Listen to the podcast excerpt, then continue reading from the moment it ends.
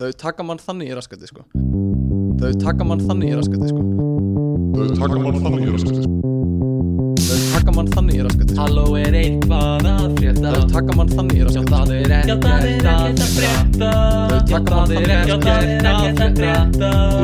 ekkert að frétta Þau taka mann þannig í raskatið Þau taka mann þannig í raskati sko Þau taka mann þannig í raskati sko Og það er ekkert að frétta þegar við færum okkur yfir í 14. þátt 14. þáttur Uh, Við viljum bjóða okkur velkomin í 14. þátt og uh, þakka ykkur fyrir að vera með okkur Rauðminn dagsins í dag er frá Tera og er frá Chile Yndislegt og er Chilst vín Chilst Chillst. vín frá árinu 2019 og við- ég ætla að Ú, dreipa bara, ári það er nokkra mánuða gamalt mm. Ah.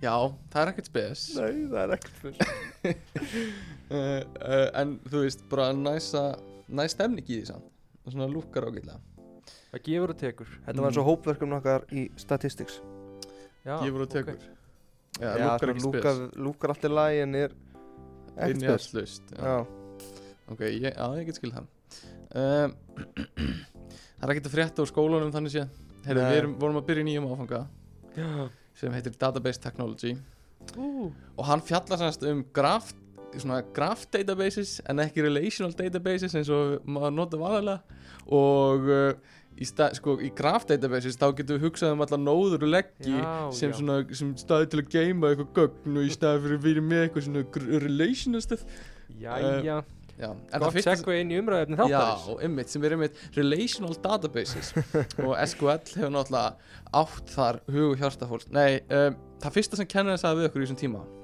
já, var uh, þið þurfa að skrá okkur úr sem áfunga já, basically Og horfði, horfði aðeins meira okkur fannst mér en að uh, Já uh, Já, hann sagði bara ég vil að, ég vil að þið hugsið ykkur vandlega um Já. og skráið ykkur úr áfangunum núna Af því hann nennir ekki að við skráum okkur um setna Nei, hann lendi örgulega mjög illa í því á síðast ári og sagði svo líka þessi áfangi er drullu erfiður eða eitthvað svona Já, Já, eða þetta er ekki easy einingar sagðan held ég já, um, og þetta er ekki bara að hækka meðalengunum já, þetta er sennilega ekki að fara að hækka meðlenguna nei og eftir það hafa eh, svona gummi og Akki kannski smá verið mik mikið að berjast fyrir að við skráum okkur úr honum Já, ég er svona eiginlega á hinni, mér langar að klára hann sko ekki meira í hljóði samt já, Akki, hann segir ekki mikið hann segir bara svona mm, já, En mm, við- mér- ég nenni sem áhuga ekki í neitt sko.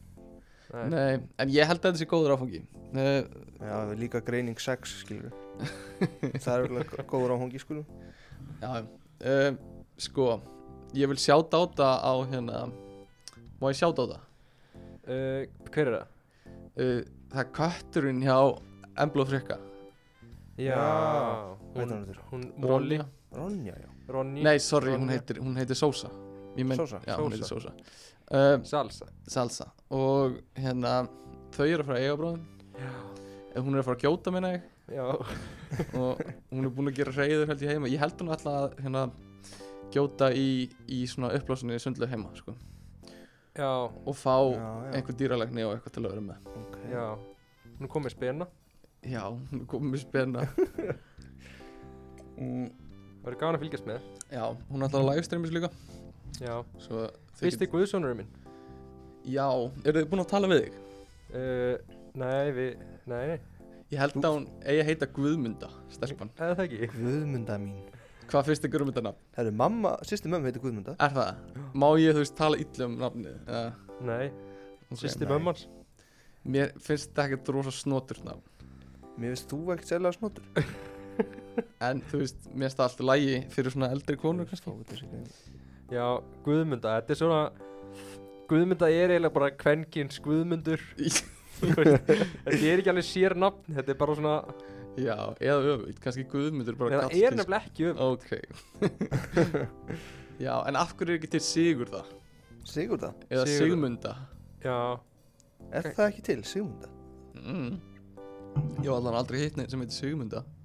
Sigmunda Ég Davíð heldur pottið til, sko Sigmunda mín Já, kannski um, Sko, Lín er líka svolítið að taka hverju raskatið þess dagana Eh, Já, uh, Eða við, eða, nei Veit Lín ekki. er ekkert að taka fyrir jarðskatið sko, ég held að lín var að taka hverju raskandi ég var bara, Já. af hverju eru ekki að fá borga Já, en það er náttúrulega, sko, við eigum eftir að fá úr einum áfanga sem er verkefna áfangi þau eru að fara yfir verkefnin okkar já og það gæti tekið alveg tvær vikur í viðbútt og við þurfum að skýla Ein max einu og hálfa já, ok, max einu og halva og við þurfum að skýla inn sem sagt uh, þú veist, náms yfirlitin okkar áður en fáum að borgað Já.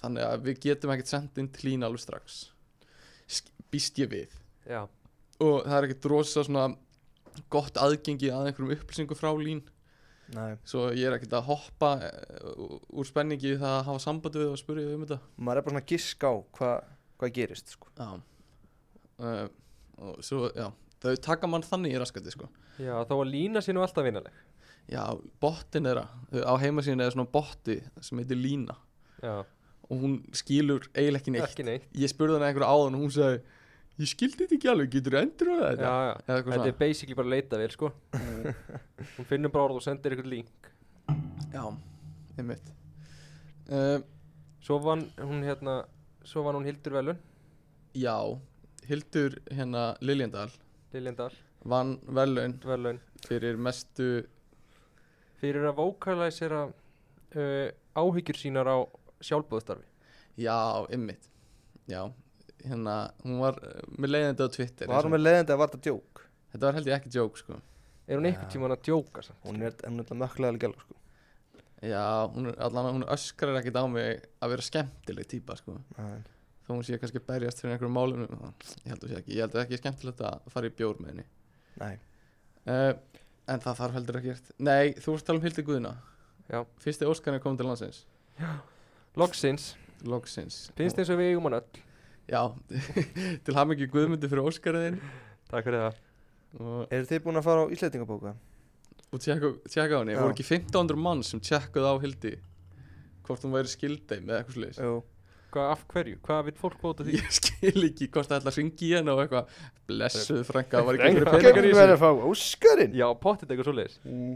Ég er það kemur nú ekki á óvart að afi minn væri einn af þeim sem var að Sá- tjekka Já, það er ótrúlegt Hann getur ekki opnað Internet Explorer Já. En þegar kemur í Íslendingabók þá er eins og sem er gráðu já, það, Já, Ah, ok þar kann hann allt Það er mjög fyndið Það er svona gamla fólki að gott er svona mjög flinkt í einhverju sérstök einhverju svona ákveðnu Já. típum af tölvunni Já, og þú veist en leiðin sem það ferð ánga er kannski þú veist, það opnar internetið uh, skrifar í sko hérna search bara efst google.is eða eitthvað já, eða leit.is og leitar svo í search bara á leit.is að íslendingabók.is já og svo fer það þaðan og svona skrollar niður með því að taka í stikuna lengst hægra meginn á síðunni og svona draga síðuna niður Mamma googla alltaf vísi.is til að fara á vísi já, Þetta Já. er svolítið þannig sko það er þegar þú ert á Chrome þá er það að googla eitthvað og að skrifa lén er eiginlega það sama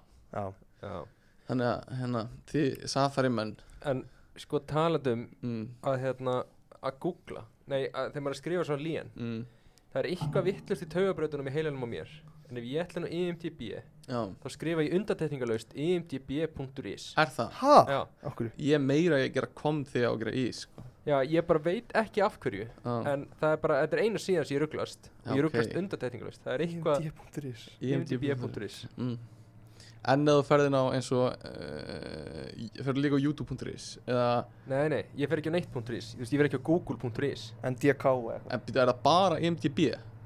Svo fokkaru Nei, ég meina, ég finn alltaf MBL og Vísi, skilur Nei, ég meina þú veist ertu, er, Þegar þú fokkar upp að segja eins og IMDb.is Já, ger, Fokkar aldrei upp og gerir YouTube.is nei, Eða Pornhub.is nei, hvað er það? Gerir alltaf bara, þú veist Gerir Þetta það er bara E alltaf IMDb Ég ah, okay, Það er veit ekki hvort þetta byrjar á I Já. Það heilir mér bara eitthvað, að það var E." örglega verið ís Já, það er mitt um, Hvað, erum við með eitthvað meira?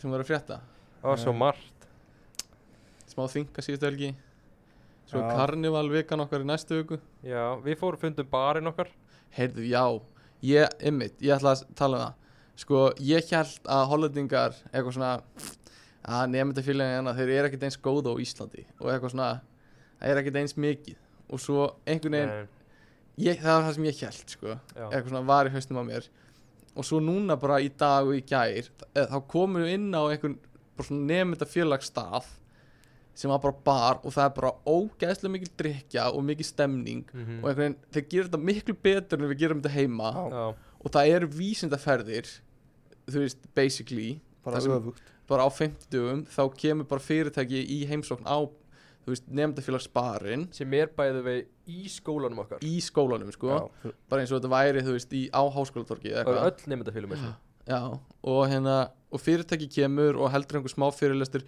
í dag var hann ándjóks undir mínútu það var undir mínútu hann var bara, ég kemur þessu fyrirtæki við erum 15 við greinum ávöxtu og græmmiti með myndgreiningu og svo bara frýrbjór Eh, Já, fyrir bjór, ég veit ekki Og hérna, og, já, þau gefa bjór Og svo er bara allt tróðið Af einhverju fólki þarna já, Og þetta er á hverjum fimmtudegi já, Og ég hugsaði, ok, það hlaut að vera Það Já, ah, já. gat ekki verið að ég var að gera þetta Nei. svona vitlist já, það gekk ekki upp sko Nei, og þetta var líka sko, ég og Aggi fórum bara í gær Mm. og það var minna fólki já, en það var samt rosalega drikja og beer pong og já eitthvað Bara klukkan 5 á mið- miðvíkudegi Já. og það er bara venjulegu dag skilurðu. það var ekki, það var ekki, ekkert engin event eða já. neitt Ah, Mm. þannig að þetta er Mér finnst það ekkert, það væri ekkert vitlist í okkur Og við erum með, sko, frí á fimmtudegum já, Það er svona litli föstudagur á miðvikudegum já, Að fara á miðvikudegum í býrpong Eða eitthvað svona, þú veist já, það væri sniðið sko og þú veist það er bara sjálfsagrisla á barnum þú bara ferð í kælinn og nærðir í flöskubjór og ég hef líka búin að gera app sem er mjög mikið svona tölunafræði já, er app það er bara forrið, þú bara gerir kóðaðinn og það Já. bara skrifast á þér reikningin já, og þú bara tekur það svo vilt úr kælinum og svo skrifast það já, þú veist þetta er sniðugt en þetta myndi held ég aldrei virka á Íslandi ég veit ekki af hverju en mér finnst bara eitthvað við þetta öskra á mig þetta virkar ekki á Íslandi hvort það er stærðin, fjöldin á fólkinu eða, nei, þú veist, málast ekki að ekki, hafa bar já en samt sko bara konseptið eins og í Mm. nörd mm, nefndafélaginu í HÍ tölunafræði já, bara það að hafa bjór í kæli já og að þú getur skrifað hann á þig mm. já, en myndi ekki einhvern veginn á Íslandi allir bara mölvast þú veist nei já, en ég meina, það, það er bara fín Já, kannski Það- Ég myndi mig bara að litlu ógislegu hólu sem er í nörd já, og að það væri ís, þú veist, ískapur fullur af bjór þar já. þetta myndi verða bara tvöfalt ógislegra en þetta er náttúrulega viðbjörnslega þarna upp í skólanum Já. okkar núna Já, reyndar þú veist, þú veist ekki, þið langar ekki að fara þarna inn, eða skilju, það lyktar bara það er bara Mm. allt sko Þú- veggfórað og já. gólfið þakið bjór Þú vilt ekki fara með blakklætan einn, kannski nei, nei, nei. Er það sem, já, já, og bara, já einmitt bara þú vilt reyna að anda sér minnst þarna inni. Já, en já, það sem, þú veist, það sem ég tók svolítið frá þessu var þú veist, þau eru með mjög virk nefndafélagina sem við Já. höfðum bara ekki, þú veist, já, bara tengt við hingað til Eh, já, og við vorum líka alltaf eitthvað svona, já, það er víst, alltaf stúdentatjám á fimmtudum mm, maður eitthvað svona, já, maður ímyndaði sér bara eitthvað, já, það er fólk hittast ykkur í vinahópar og Já, eitthvað. bjórnir í bæ eða Nei, eitthvað. nei, nei, það eru bara öll nefndafélögin upp í skóla Mhm, með frían bjór Já og að drekka bjór frá fyrirtæki, alla fimmtuta. Andrés, Já. hversu miklu félagsgítar eru við að við vorum, erum búin að vera í þessu skóli í hálft ár Já, já, alveg sko. vangjarnir, og bara, þú veist, við sem ekki einu svona af þessu fyrir henni í dag, sko. Já, já. En við, ég vil að við sjá, gefum sjátt á þetta á félag okkar sem að tóka mót okkur. Já, já Já, skemmtilega veistlar. kall. Sá sem tók- netti, að- sá netti okkur Já, sánendi að díla við okkur, sko. og Hvað hét kemta þetta okkur bjór. Hann hét eitthvað rosa skrítnu nafni og ég bara, þegar hann sagði þetta, þá hugsaði ég bara, ég var aldrei eftir að mynda. það var eitthvað svona hollensk hljóð, bara eitthvað grúba Rófa og eitthvað, Grúba. og ég sagði, Stefan, Stefan, já, já, grúba, eða eitthvað svona, og ég bara, þetta var eitthvað hljóð. Hann ég er líka ég frá- ætlaði að segja bara, guð hjálpi þér. Hann er sko frá eitthvað norður hluta Hollands. Þannig að hann er með þetta, Já, hann er alveg sérstaklega slæmur í já. Einmitt. óþálandi.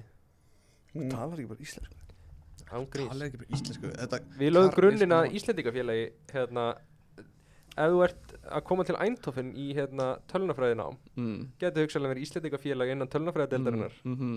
þegar þú kemur Það eru svona frá Törndi sína og það er eitt frá Törndi sem er bara fólk sem elskar Suður Holland mm.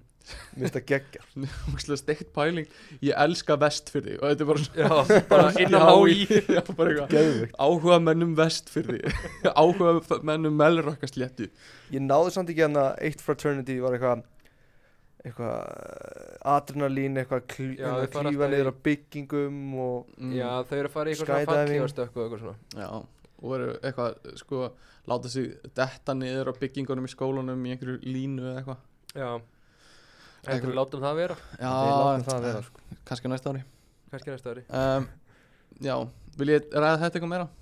Nei, nei, Það var fýtt bjór Já, Gróls gróls og Gróls. grana Gróls Hóls uh, Já, reyndar eitt sem ég langar að tala um Á, á þessu hérna Þannig að í nefndafélaginu Þau eru búin að optimæsa bjórdrykju Bara á næsta level, sko Já, Þau eru með bara svona innbyggt inn í borðin Eru þau með eitthvað svona bakka fyrir bjóra já, Þannig að þú tekur upp og það er eins og eitthvað gataspjald já og þetta er eitthvað svona krossviður sem er með götum í og þú lætur bjórglösin onni götin Já, þannig að þú getur haldið á svona 20 bjórum í einu já, og þetta er líka, þetta er svo snið Þegar þú situr við borð mm, með kannski tímans já, og svo bara fer eitthvað og næri rándabjór Já. og þá tekur hann bara eitthvað svona stykki úr borðinu já, bara þetta Fer með það á gataspjald barinn. já. þetta er uh, búið að optimæsa bjórdrykkjuna en úti svo mikið sko Þetta Já. er eitthvað svona meginlandsdæmi sem Íslendingar veit ekkert mm. já, bara, það er að því það fara allir bara bjó, barinn sjálfur á Íslandu það kostar svo mikið já, þú veist bjóra þannig að kostaði 75 cent já,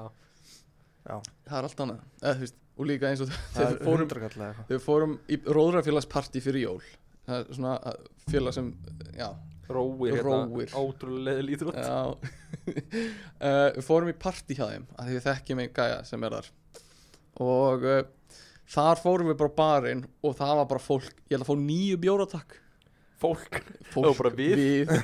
Já, og fleiri náttúrulega En hérna, já, ma maður bara panta nýju bjóra og eitthvað svona og það er líka dælan var í gangi Mm. frá nýju til um þrjúnó Já, og bjór, þú veist, þeir voru í alvörinu búin að reikna bjórmagnið já út frá því, hvað ge- rennur mikið úr Já. dælunni á klukkutíma, þeir, þeir láta ekki, skilur, þeir láta ekki þetta upp þeir loka ekki fyrir Nei, það loka er bara ekki Mm. látið renna og svo er bara fyllt á næsta bjór þeir hafa líka gott fólk í bjórdrykkinu hann Já, já, já, Það er alveg rétt sko uh, Hvernig væri að drekka bjór uh, og fara í fótbolta?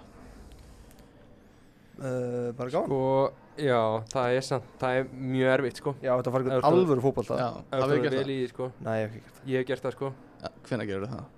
ég gerði það einu sinni í blá, eða ég gerði það tvisar í blálunum Nú, Eitt var svona hluti af sumaferðinni og annað var partí sem að uh, fólkar held í hjá fótboltavelli já ok og ég fór og hljóp og misti mig og var bólki í svona þrjár vikur.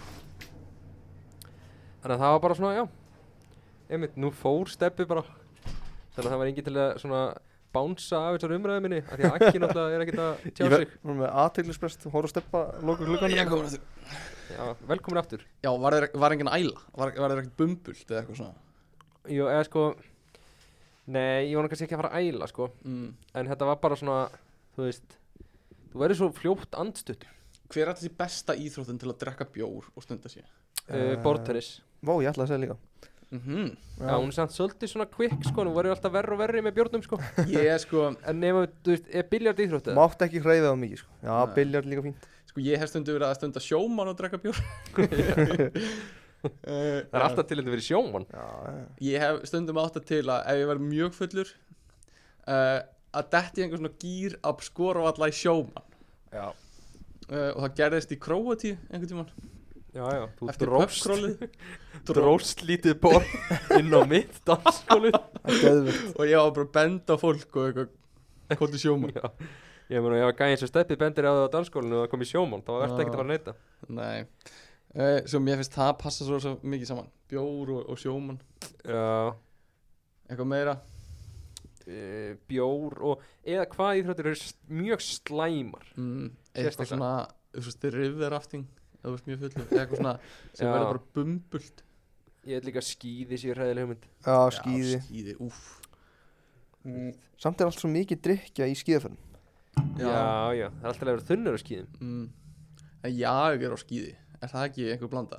Já, En já, jag er inn á sér já, Svona inn á, inn á úlpunni Já, Eða eitthvað svona tópas eða eitthvað Ég veit ekki jú Eða vilt samt ekki vera með eitthvað ennþá svona viski eða eitthvað svona Jó, kannski viski ja, ég, Sem hlýja þér svolítið í leiðinni Jameson Jameson Jameson Jameson En hver Jameson. er bara svona besta íþróttin? Besta íþróttin Mm. það, mun, það myndi ég segja að vera í fótbolti Vissa ef ég myndi segja þetta það er allan daginn fótbolti En, en sko, ég Ég- er við ekki kru- sammála Já, sko Eh, Ég er ekki sammála uh, Sko, fótbolti er vinsalst íþróttin En Það er er það best íþróttin. besta íþróttin? Þessun er hún vinsælust Nei, ég er ekki sammála því Hún er bara útbreytist En svo kristni er ekkert besta trúabræði Vistu Kristni Berg? Nei, já, ég veit það ekki sko Eða Nei, ég hind- meina- eða, Þú veist, kínuversk er ekkert besta tungumálið Ég myndi segja Nei. að fótbolti sko, ég skil mjög vel að fólk sem að hefur ekki spilað fótbolta mm, hefur ekki fylst með fótbolta mm, þá skil ég mjög vel að það sé ekkert gaman að horfa á fótbolta mm, Þú veist, sögum er í þetta eru svona eins og að þú veist að horfa á handbolta Já, og þau langar að annar liði vinni já, þá geta allir notið þess já þá var allir gaman að- Fóbolti, hann er svolítið hægur Já, og þú veist, Já, og já. fólk, fólk fær ekki aðdreilinkikki Nei. ef það veit ekkert hvað er Nei. að gerast nema að komi mark eins og, já, körfubolta, handbolti þú veist, í körfubolta er eiginlega skorað í hverjusókn og handbolta svolítið líka mm. Já, skilur svo, en í fótbolta er skorað kannski þrjusverið leik Já. og það er bara talað um að vera fín leikur, skilur Já, þú getur þetta í 0-0 leik já, já, já sem er alveg hræð Já, ymmið Þannig að þú veist Ég myndi ekki endilega segja, þú veist, já, fótbolti er vinsalast í þrjóttin En ég er ekki vissum að það sé besta í þrjóttin Mér finnst Ég- það Eh. skemmtilegast í þetta Ok Af af því að ég hef spilað hann því þú hefur spilað hann og ólst upp með hann og en svona mér finnst það svona á blaði Ah, Mm, alls ekki besta íþróttin Nei allan ef ég skemmt hann ekki en er besta íþróttin, íþróttin ekki skemmtilegsta íþróttin? Hver, hvernig, hvað er það, hvernig það munur? fer eftir því hvort, hvort ég á að vera dó, óháður dómari mm. eða En- hvort ég á að vera að segja mitt hvað mér er skemmtilegt Líka bara, ég- ég hugsa sko Ef ég síni einhverjum manni sem er aldrei sína eina íþrótt áður já, Fótbolta Og ég síni hann um einhverju aðra íþrótt já, Hvaða, þú veist, hvor af þeim er hann að fara að fíla meira já, já Og Sko, ég er ekki vissum að fótbolta væri mjög ofalega þar Já, en fótbolt er mjög einföld íþrótt Já, sem er en líka samt ástæða fyrir hún er svona minnsel, sko sko einföld íþróttir eins og bara 100 metrar hlaup eða Þess, þú veist, Það er enginn að frjáls- horfa á 100 metrum en það þú er veist, það ógeðsla mér finnst líka ógeðsla leðildar og sund mm, sund Ó, líka guð minn það er ávallt. tölvöld einfaldar íþróttir en fótbolti mér finnst sund Er hún einfaldari? ógeðsla leðileg íþrótt sund, Já, einfaldar en fótbolti já finnst þér sund flóknar í íþróttir en fótbolti Nei, svona er, Ok, ég skil hvert þú ert að fara En þú veist, ekki hvað meinur þú veist, sund er alltaf bara þú veist, sund, skilur já, já, mjög einfald mjög einfald veist- af hverju finnst þér það flóknara Þú veist, þegar þú ætlar að greina á milli þess keppand okkar Þú veist, hver, er- þú veist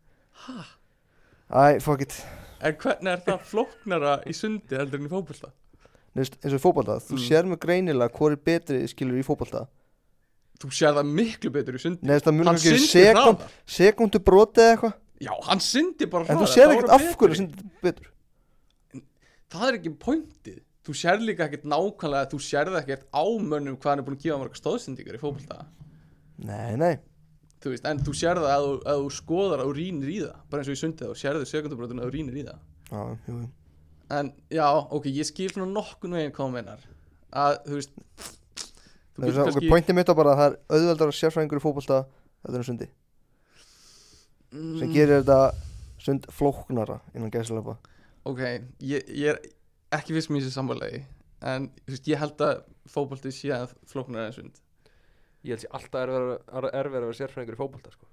en svo ok, þegar ég tala um sérfræðingur og svona þú veist, getur verið með skoðanir upp í sófaskilur já, ég veit ekki, ég meina ef þú myndir leggja því að setja þið inn í sund skilur ertu þá að tala hversu um flóki getur verið að vera sérfræðingur í sundi ertu þá að tala um eitthvað svona hann er ekki að nýta þú veist, bakslægi sitt nógu vel já, eitthvað svona eitthvað svo leiðis já, þú veist já, kannski að sjá það í staðan fyrir fótbolta þá sérðu bara að hann er að gefa út af þegar hann á að vera að Já. gefa á liðsmann ok, ég skil hvað að meina þannig séð um, en hvað myndir þú segja að vera besta íþjóttin? takk fyrir að spurja Arngrímur. uh, uh, sko ég Quidditch Ég veit ekki, nei sko, ég hugsa besta íþróttin sé einhvers konar blandaði að vera einföld þannig að allir geta spilað hana og að vera, þú veist, nógu flókin til að hún sé áhugaverð ok, og hérna, þú veist frálsar eru mjög einfaldar íþróttir Þú veist, þetta er bara, það er bara svona basic bara svona mest basic íþrótt sem þú finnur eru frjálsar íþróttir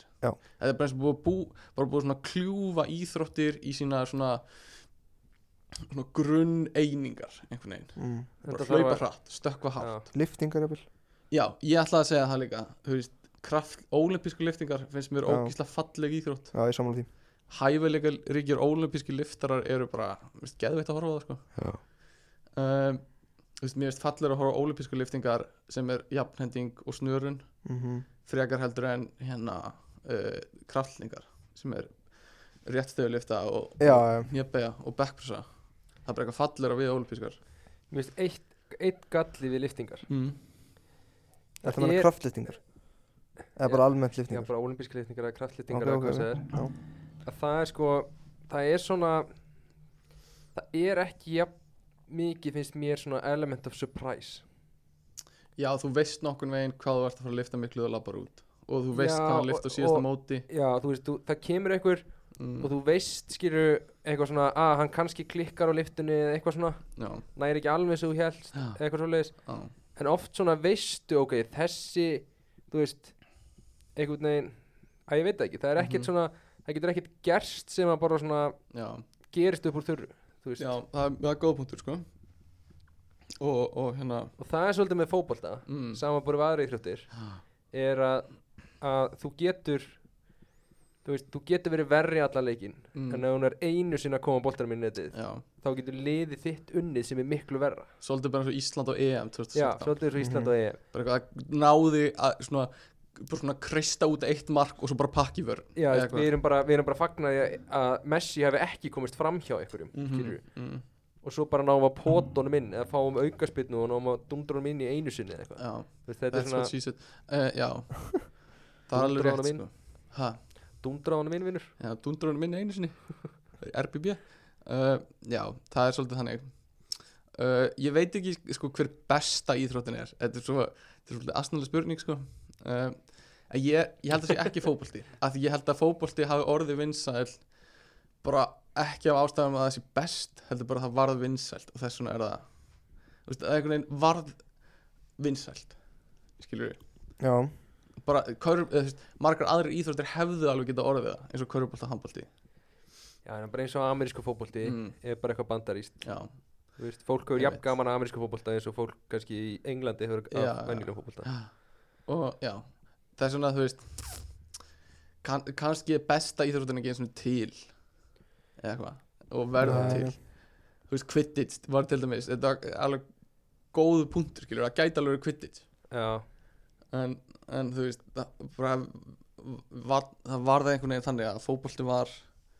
á réttu stað á réttum tíma held ég sko, þó sé alveg fín íþrótt Nei, þessi svo fótbolt og körubolti mm, Þú veist, það er erfiðara fyrir þú veist, krakka og, eða fólk bara út í heimi að spila körfu heldur en fótbolta já það þarf hring körfur þar körfu, já, Körfuna. þar þringir sko já, það er alveg rétt sko uh, þú veist þannig að eins og í Brasilíu og þú veist, mm, það er þetta góða punktur sko að miða Ameríku skil þess vegna er fótbolt svona vinsælt þar til mm, dæmis það er það er alveg líka góða punktur meira physical element í körbólta já, já, f- á fysiska lengjinn komum meira þar inn mm, þá Klárlega. það sé íþrótt ánsnertingar en, en Já. það er alveg rétt sko minni völlur, Já, reyndi færi leikmenn en, en samt minni völlur og allir pakkar í tegin já Sko Eh. eitt sem ég ætla leiðilegt í körbólta mm, Það er það að sko einn, ef þú ert með einn geðvikt góðan leikmann mm, þá getur það semi gert liðið markvallt betra já, já Já, Þú veist já. það samt ekki í mörgum íþróttum þannig Nei, veist, ég meina Messi í stók er ekkert að fara að vinna enn skúrustöldina Nei, Nei. kannski það er- en Lebron James í einhverju, mm, Lakers. þú veist, Nei. Já, þú veist, í einhverju Upp að- liðlöliði já, já, já Þetta er alveg, það er alveg rétt upp að einhverju marki sko. uh, Líka eitt sem ég hataði að körubólta í bandaríkjunum uh, Eila bara við allar íþróttir í bandaríkjunum Já, Svona bandarískar íþróttir þetta er hættast nú út um íþrótuna ha, Þetta er hættast nú út um íþrótuna Já, þetta er bara Þetta auglýsingar er auglýsing Þetta er basically bara auglýsingar með smá körubóltin á milli Já. Eða Auglýsingar með smá hafnabóltin á milli Já, Og þú bara sérða líka bara útfræði hvernig íþróttin er byggð upp smá já þú veist eins og í fótbolta þú hleypur 10 metra og svo er auglýsingapása já, já. og eða í hafnabolta þú slærið einu sinni já, já. auglýsingapása og núna í körfunni er þetta orðið þannig að þau eru farin að bæta við leiklífum e, bara til þess að geta sett Mjólka pening. auglýsingapásu já, það er það sem ég finnst ógeðslega leiðilegt við íþróttir í bandaríkjunum já, sko. ég er alveg samanlega því sko að þetta, þetta snýst rosa mikið um einhvern veginn gróðan sko. samt sko, ég fór á NBA-leik já, Þetta er samt Þetta er algjör snild Svona ef þú vilt fara bara og ert að fá þér bjór og bara eitthvað að vera léttur á því já, er ekki svona skemmtiatri Jú, þá er svona skemmt eða að vera að skjóta boltanum frá miðju mm, einhverju svona dansarar og Mhm. það er dundrati tónlist og diskoljós og eitthvað svona já, þú veist, þetta er bara svona sjó já, skilurðu. mér fannst sko þegar það var verið að gera þetta þú veist, skjóta boltanum frá miðju og Íslandi alltaf mm. í stjörninu vorum við einn gæja sem heitir Steini sem fór alltaf út af völlin að kasta boltanum til krakkana og þú veist, að, mér fannst alltaf eins og þetta væri verið að reyna að gera þetta að einhver svona bandarísku dæmi Já, já, klálega það var alltaf bara svona eins og einhver sveita stemning í þessu samt Já, svona íslensk stemning yfir þessu og hérna hann var alltaf eitthvað svona klappa og peppa alltaf til að koma fólk var bara eitthvað svona í símanum eða eitthvað Já. Pældi hvað líka bara stemmingin á eins og handbólta og körubóltaleikjum mm, í bara, hérna, dóminustildinni mm, eða ólistildinni eða hvað segir þá hérna þú veist, pældi hvað þetta er grillu stemming þú veist, með tvölið þú veist, bara með æsta aðdándur eða þú veist, Já. þetta eru bara svona hörðust aðdándur sem nenn að vera þarna Já, já. og þeir eru bara svona þeir eru bara hlið við hlið á einhverjum bekk skilju, þetta eru mjög oft ekki margar manneskjur mm, þetta Nei. er bara geðveitt harðir bara svona Já. 20 í hvoru liði, komnir hlið við hlið pældi hvað þetta fyndin stemming þetta eru svona bullur það er mikið einhver svona, Já. svona íþrótta bullum við í kraftningafélaginu stjórnir þurftum ofta að vera sko eða voru stundu fengnir til að vera svona verðir eða svona einhver öryggisverðir á þessum- á þessum hérna leikjum og lendum stundum í einhver svona bullum frá Grindavík eða einhver svona sem voru svona að reyna að kæ, svona, í, svona æsa í okkur sko Já. það, og já, svolítið pyrrandi típur sko uh, Grindavík já. Er það ekki Nei, að ég veit það ekki Það er á Reykjanesinu Það er, þú veist, ekki keflaðugun í Arvík heldur Grindavíkun hann á söður Kallið minn Ég vann í blálónum Ég þekki Grindavík betur en meðal maðurinn Það uh, er mjög góð pizzastæður í Grindavík Bara láta ekki veit það Hvað heitir já, hann? Dominos Nei, ég veit ekki manni hvað hann heitir En það er svona Svona old school góð pizzastæður Já, eh, do- já svona, eh, Dominos eða eitthvað Googlið bara pizzastæður Grindavík Og það eru Mm. mm. örgulega Ok. Það er ekki Dominus uh, Já, sko, ég var í þessu kraftningafélagi hana í stjörnunni og við fulltaði einhver svona stóran gæðum Býtið segir að þið voru látnir vera Já, já, Kraftlýftingafélag Kraftlyftingafélag, Ekki þið í sko. Körubolt nei, nei, nei, Já, kraftningafélagi já, ok uh, Og Af því að við elska það Já, það var alveg stuð sko uh, Það var alveg gaman og hérna en uh, við erum peð í kraftningafélaginu hliðin á þessum gæmi strongman Já. Já Ég er búin að vera að horfa rosa mikið á strongman undarfarið En eru margir Íslendingar í því? Sko Íslendingar, það er fáránlegt hvað við erum góðið strong Strongman er semst, sterkasti maður heims, Já. keppnin og hún hefur verið haldin frá þú veist, 1970 eitthvað Já, og, og við höfum átt þrjá sigurvegara já, en við höfum unnið kannski svona 15 sinnum eða þú veist 12 sinnum Já. já, ok af kannski þú veist hún hefur verið haldið kannski 40 sinnum uh, og við höfum unnið kannski í 25% Já. Já, ok Íslendingar En er þetta, þú veist, eru öll lönd í heiminum að taka þátt? Eða er þetta rosa mikið bara eitthvað einhver ákveðin lönd? þetta er rosa mikið hérna Evrópa og Bandaríkin. Norður, Rússland og Norður eitthvað svona, Ameríka Evrópa og Norður Ameríka ekki? Já, en er ekki sérstaklega svona eitthvað Litáin svona og... Úkraina og eitthvað svona Já, svona austur-Evrópa svolítið. ég er með þetta hérna sko strongman hérna sko við höfum í fyrsta lega átt Jón Pál Mhm. sem er mikill pioneer og hann er svona, þú veist, hann var líka fitnessgæi, þú veist, hann var að Já. keppa Já, já. kannski sterkasta manni heims með bumbu og svo bara næsta mánu var hann að fara upp á svið í páskamótinu í fitness Já. En, eða eitthvað svona en var þetta ekki bara eitthvað svona björpong mót þegar hann var í þessu? Bara eitthvað svona hobby? Nei, nei, nei. Nei, ég myndi ekki alveg segja það sko Hvað ég var það sko? uh, Sko hann vann sem síðasta titil held ég 92 eða eitthvað svo leis Mér er Og- 92 Já, Þetta segir mér að þetta hafi verið eitthvað hjúts mót þá eða?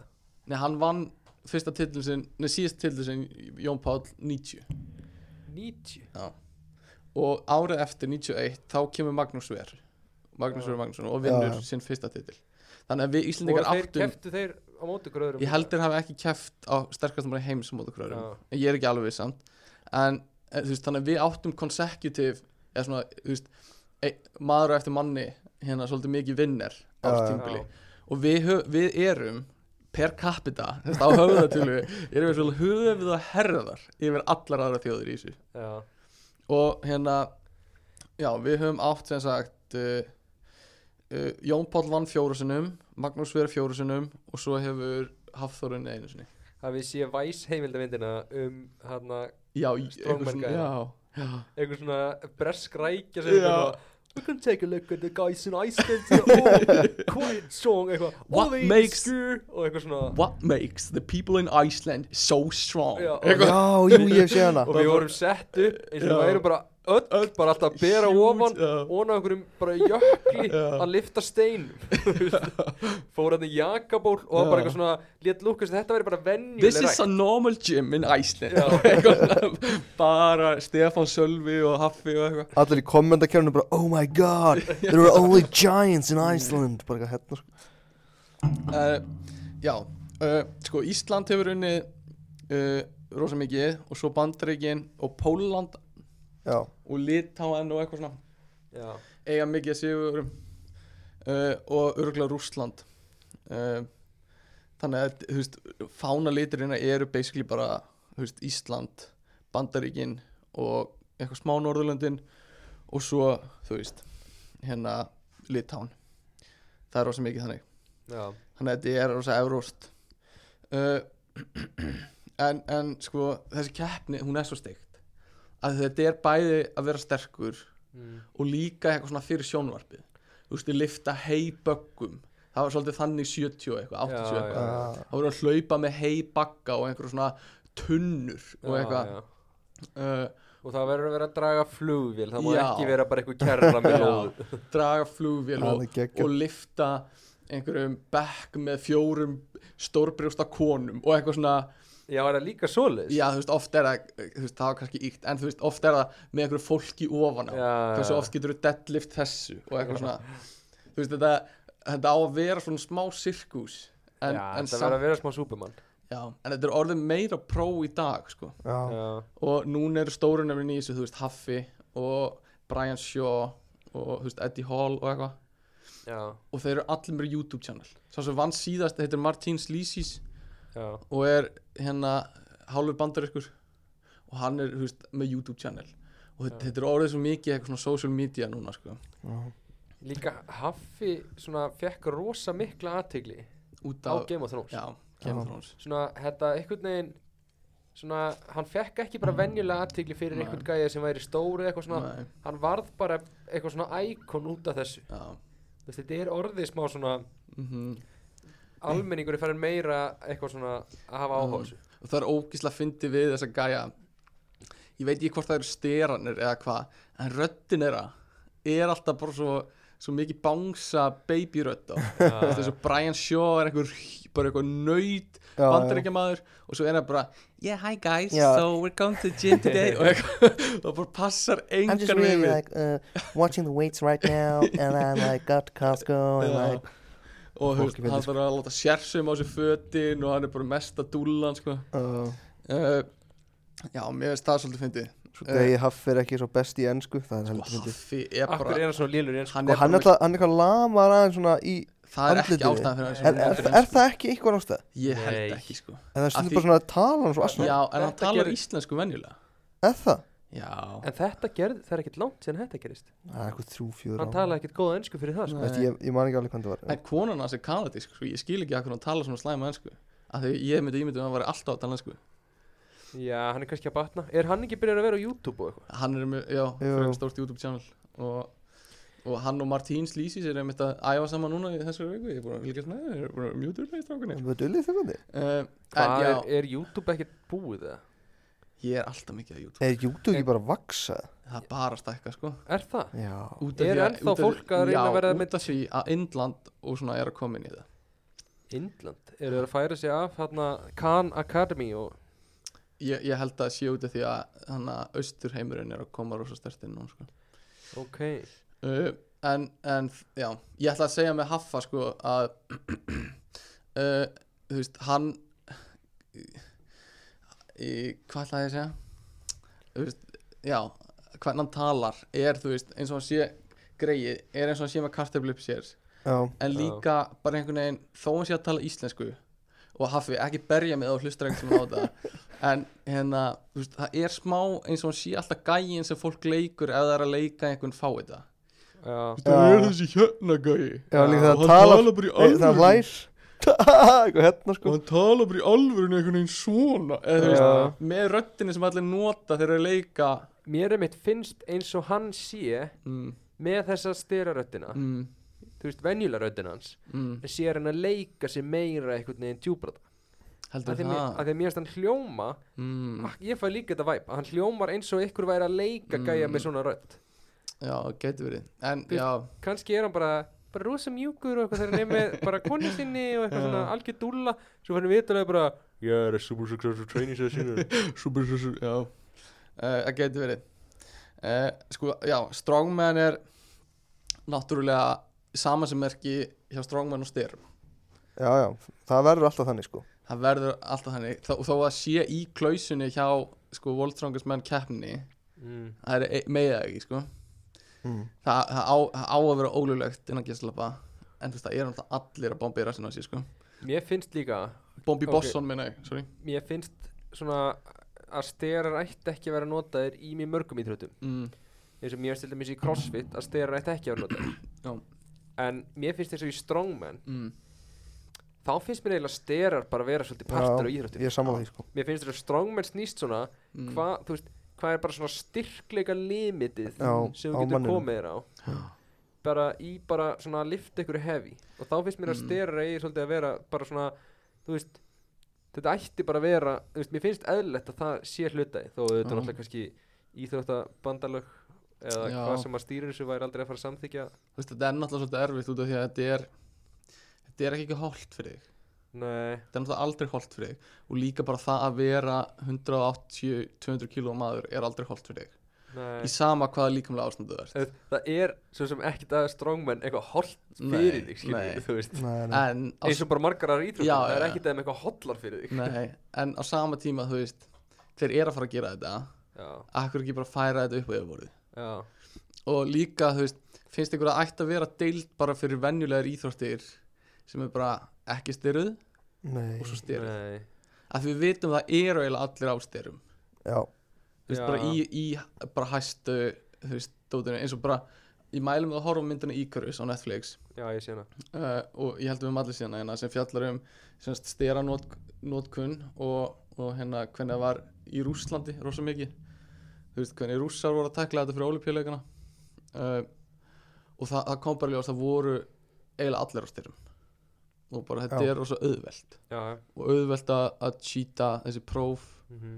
og hérna þú veist af hverju þú veist af hverju ekki bara uppleifa þetta fyrst að ég er allir að þessu Mhm. og hafa þá bara steraða deild og svo fyrir þá sem vilja ekki vera á styrum þá geta þeir bara fengið velun sín í sín, sinni kategóri Mér finnst það bara ógislega skrítin hugmynd já, þú veist, algjörlega, Ég það er bara- náttúrulega mér- skrítin hugmynd en það er líka skrítið að vera dilja eitthvað sem er bara allstaðar jú, það er rétt og þú veist, þú veist kannski einhver sem vill bara í alvörinu taka þátt í natti, þú veist, bara natural keppni Já og, og þú veist, bara vill ekki gera þetta við líka en vill samt vera, þú veist, klassa íþróttamæður mm. og bara góð fyrirmynd Já Það er bara svo skrít að ímynda sér og væri eitthvað Eitthvað bara, já ég er að fylgjast með ennsku dildinni Já, býta eftir að voru á styru eða Já, ekki styru það er það, er það sko. algjörlega en þá myndu örgulega flesti bara horfa á styrðu dildina skilur Já, og það væri bara þannig og þú væri bara einhver Já, væri, það væri meira spennandi Vist, þetta eins er, og strongman sem já, væri ekki á styrum já, Hann væri á svona einum tíunda af laununum sem einhver strongman sem væri á Já. styrum væri Já. Þó það En- voru jafn successful í sinni dild en væri þetta ekki svolítið líka bara eins og þú veist fólk myndi horfa meira á styrðu dildina Já. út af því að það eru bara betri í- þú veist, það eru bara fljótari menn, sterkari menn snerp, meiri Mhm. snerpa, þú veist, bara betri íþrótt mm er það eitthvað svipuð af hverju fólk horfir meira á kalla þú veist, sem eru sterkari, sneggri og eitthvað Já, jú, þú vilt það. jú, það er svo sem þú veist, væri þetta ekki Góða bara punktur. svolítið þannig jú, Jú. Já, ég, ég, við veit það ekki, þú veist Mhm. bara, þú veist, þá erum við með eitróttamenn sem eru sterkari og snegri myndi Já. ekki fleiri horfa á það jú trúlega Jú, Uh, ætli það ekki. en já, ég, veit held að ekki, svona fyrirkomlega getur mögulega virkað svona í einstakling sem aldrei í hóp mm, já, já, þú veist, að því ef við værum með hóplíka þá væri komin þessi pressa á að þú veist, allt liðið þitt er að taka styrra já, þú verður að taka styrra Mm. uh, sko, kostunum við eins og þetta er núna er að þú veist, náttúrulega allir krakkar í dag þeir eru ekkert að pæli styrra náttúrulega þannig að þeir, þetta er bara fyrirmyndir hjá þeim já, einmitt. Já. Þú veist, en ef maður myndi setja einhver svona stera stempil á fólk það væri kannski minni fyrirmyndi fyrir krakka í dag og þeir væri kannski þú veist, meira líklegri til að vilja fara á stera eða eitthvað svona Já. það er kannski það óþægilegsta líka við þetta er þú veist hvað rússar voru duglegir að pumpa stera í 12 ára krakka já, já, í fimmleikum og eitthvað svona já, eins og kínu er að gera líka mm, en þú veist eins og sterar, þú veist, það er ekki bara sterar það er líka skilur einhver hormón já, og, algjörlega og í- já, f- fleiri efni sem ég veit ekki hvað heita já. Svo, í- í- af hverju bara sterar skilur, ég vil samt bara taka það fram þegar ég er búin að se- vera að segja sterar í þessum þetta þá þá er ég ertu meina að alla tala um flokki bara performance enhancing drugs ok, já, þá skilur ég ekki bara þú veist hérna anabóliska stera Ég veit ekki hvenar verður eitthvað efni þú veist enhanced performance skilur já, þú veist er máttu líka pre-workout perform- svona efni skilur uh, nei, sennilega ekki þú veist það er eitthvað koffín eða eitthvað en þú veist máttu t- tappa aður blóði þú veist fyrir þrjum mánuðum og svo núna eftir þrjá mánuði þá ætla ég að sprauta sama blóði í mig aftur til að fá meira súrefni í blóði já, þú veist, er það performance enhancing þú veist, þetta er blóðið mitt, skilur við já, nákvæmlega fullt af fólki að gera þetta mm. Svo Þannig að- grá lína hann á milli hérna. einhvern veginn. já, Sa, já, veit sem ekki með pre-workout sko, þetta Nei, þú er veist, ég svolítið annar sagði bara flokkur. eitthvað skilur en, mm. þú veist, þetta er þetta er rosa svona þetta er rosa svona erfitt að finna réttu línuna á þessu líka þú veist, hvað Mm. er þú veist, með HGH, sumir þurfa að vera á HGH bara til þess að vaksa helga og eitthvað Mhm. þú veist, er, er líka þú veist, þú veist með of háan testa bara of hátt testosterón þá mega konur ekki keppi á konum íþjóttum þá með Já. konur Já, og, Já. og þessi testi er alveg innan eðlera, þú veist, er alveg innan marka sem geta komið fyrir í náttúrunni, skilur eru, eru til sem sagt alveg ykkur konur sem Mm. eru mjög góður ykkur íþrótt Já. og það er megi ekki keppa mm, af því að það eru bara mjög mikið að testastörunni Já, að, það voru, var verið að setja nýja reglur einhvers staðar. já, Þannig að segjum, ég veit ekki hvort það er rétt í þessu, þessu tilvíti, en segjum að sé í, þú veist, bara frjálsýþrótum, bara í, í 400 metrar hlaupi. já, Það mátti ekki vera með testa yfir 20. En það eru konur sem bara eru náttúrulega með testosterón yfir, þú veist, kannski með 22 eða eitthvað. já, Já, Úst, þetta er eitthvað tengt bæði performance enhancing drugs og líka tengt mögulega transumræðinni já, veit ekki hvað veist ykkur um það að fólk geti breytt um kyn og skipt þá yf- yfir í ég Annan hef flokk í ekki þessu. skoðun á því eins og er sko nei Veist, Það var bara ein dæmisaga dæmisaga sem er alltaf að tala um Já, Það var hann það transkonan hann í hinn MMA eða eitthvað Mm. ég, held að það Mölbraut sé, hérna gæluna, höfukubrautana ég held að það séu sko jáðartilfelli Já, einmitt, og þau eru alltaf mest talað um þau sko Mm, ég held að séu ekki svona venjulegu tilfellin í þessu Nei, var en ekki eitthvað dæmi um eitthvað sem að sem að skilgrindir sér sem annað kyn mm, og kefti ykkur annar íþrótt í henni deildinni Já, og skipt sér nátt tilbaka það er þetta mjög fyndið þú veist, af því að þá basically bara að, þú veist, þú mátti bara skilgreina eins og þú vilt já. mátti ekki skilgreina eins og þú vilt á Íslandi eða? ég þekki það ekki sko Ekki hugmynd. þekki ekki regluna sko ég, ég veit bara að það er örgulega ég held að það séu rosa mikið mála að fara í gegnum þetta tengt Já. þú veist Íslandinga hana, þjóðskrá og eitthvað svona Mm, að fara í gegnum leðrýtningu ég þekki það ekki sko ég, ég held samt að þú veist, í flestum svona tilfellum er þetta ekki eitthvað sem við ættum að Nei, hafa ágjur af sko við líka sem, þú veist, sem kallmenn við þurfum aldrei að hafa ágjur af því eða, þú veist, við þurfum ekki að hafa miklu ágjur af því að það sé að fara að koma einhver þú veist, transkarl þú mm. veist, í okkar dild og hafa áhrif á hana mm. ég held að sé meira þú veist, röfugt að, já, að það sé transkona að koma inn í kvennadildina Já, já, þannig að þú veist ég ára svona smávært með að setja mig í nákvæmlega þessi spór já, já mér finnst ég, mér finnst ég heyra fá lítið um konur sem skiptir í að vera kall já ég er sammála það, það er Já, ekki eins miklu minnur ég, þekki um ein, ég veit um einn strák ég þekki einn strák mm. uh, held, ég held ég þekki bara einn strák sem sem transkall já, Er það bara þannig? Eða, hva, hva, er þetta 50-50 ég eða held að þetta sé ekki 50-50 ég held að þetta séu miklu oftar transkonur, semst kallmenn a- að leira þessi í, í að vera kona já, ég er enda þekki eitt strák við erum Já. kannski að tala um sömmannaskina er það að tala um Eithór, Eithór, Eithór Óli er það að ég veit eh, ekki hvort við eigum að jú, það er örgulega alltaf að segja náni en vorum við saman í verkefninu sinni nei, hæ? ekki í verkefni vorum við saman í uh, félagi Hæ? Nei, ok, já, í, já ok, já, ég þekki tvo núna Já, ok sorry, ég þekki tvo, ég veit hvern guðum er að tala um núna uh, ég ætla að googla prósenduna, svo þið með hérna hvað vil ég tala um Já, ok Svona við tölum þetta Ef að skilur meðal góður fótboltamaður Fer í kvennalið Yrði hann þá ekki bara mjög góður Ég, ég veit það ekki alveg Þú veist eins og, þú veist, FH myndi vinna kvennalið knaspindu til dæmis. Jú, jú Jú, jú, klálega sko Ég meni íslensku deildinni sérstaklega sko Já, já, svo sem En ég veit ekki hvernig þetta er Hvernig þetta væri, jú, alveg klálega samt Ég meina, það er náttúrulega bara Þetta er náttúrulega bara physical element, skilur Já, Og ég meina, augljóslega ef þú getur á náttúrunar hendi laupirhraðar og ert sterkari eins og kannski í Mm. fótbolta eru þú veist, kallmenn eru þú veist, ná meiri hraða eða skilur við, já, þú veist, eru líkanlega sterkari mm. geta hoppa hærra og eitthvað já. þannig að ég meina auðvitað hlýtur að fylgja því. Me- annað sko er eins og í bandarískum íþróttum þá er bara búið að breyta íþróttinni Þú veist, í fyrsta lagi þá er ekki fótbolti fyrir konur ba veist, bandarísku fótbolti fyrir konur Amerikan fútból, það er bara ekki til Jú, það er einn ógæðslega steikt og bara svona ógæðslega, bara svona smá ógæðslega deild það sem er bara konur sem eru fáklættar látnar spila fótbolta þú er endursýnt eitthvað í svona Amerískan slóm- fótbolta? já, ég man ekki hvað það heitir Vá, hvað það er, ó, það þetta er er, svo bara svona, þetta er svo ameríst eitthvað bara svona konur sem eru basically á bikini og, og það er alltaf skot af rassinu þeirra í slow motion og eitthvað svona pælt í já því, hva, mm hva, hvernig komst þessi hugmynd í gegn? ég skil, þetta er bara út af því að það er horta á þetta í bandarækjunum þetta, Já. þetta er vinsælt uh, hafið tekið eftir eitthvað blag kvenna er líka svolítið svona já, Eða cheerleading Mm, mm, já, en samt sko cheerleading erstu búin að sjá cheer þættina? Nei, já þá inni þú ótt þenni, ég er búin að sjá þá og þetta er miklu meiri íþrótt heldur en maður ímynda sér sko. Já, mm þú veist, fólk sem er að horfa á þetta og er að pæla í þessu er bara massíft að pæla í einhverjum stökkum og þetta er bara svo fimmleikar en eins og en hafið tekið eftir eitthvað svona blag hvenna, mhm. mm, hvað er mikið það er eitthvað svona grafir gæjar að, að hérna á myndavillunum og eitthvað já það er alltaf verið svona súmin og rassin og þú veist, mikil umræð alltaf í kringum það já, og eitthvað svona lítið gett vel út mjög furðulegt með aðra íþróttir já. hvað er mikil áherslu í blaki hvenna á þetta hérna er til dæmis, ég ætla að sína strákunum mynda af íþróttinni Þú veist, og Setja hún á heitir Instagram bara- okkar.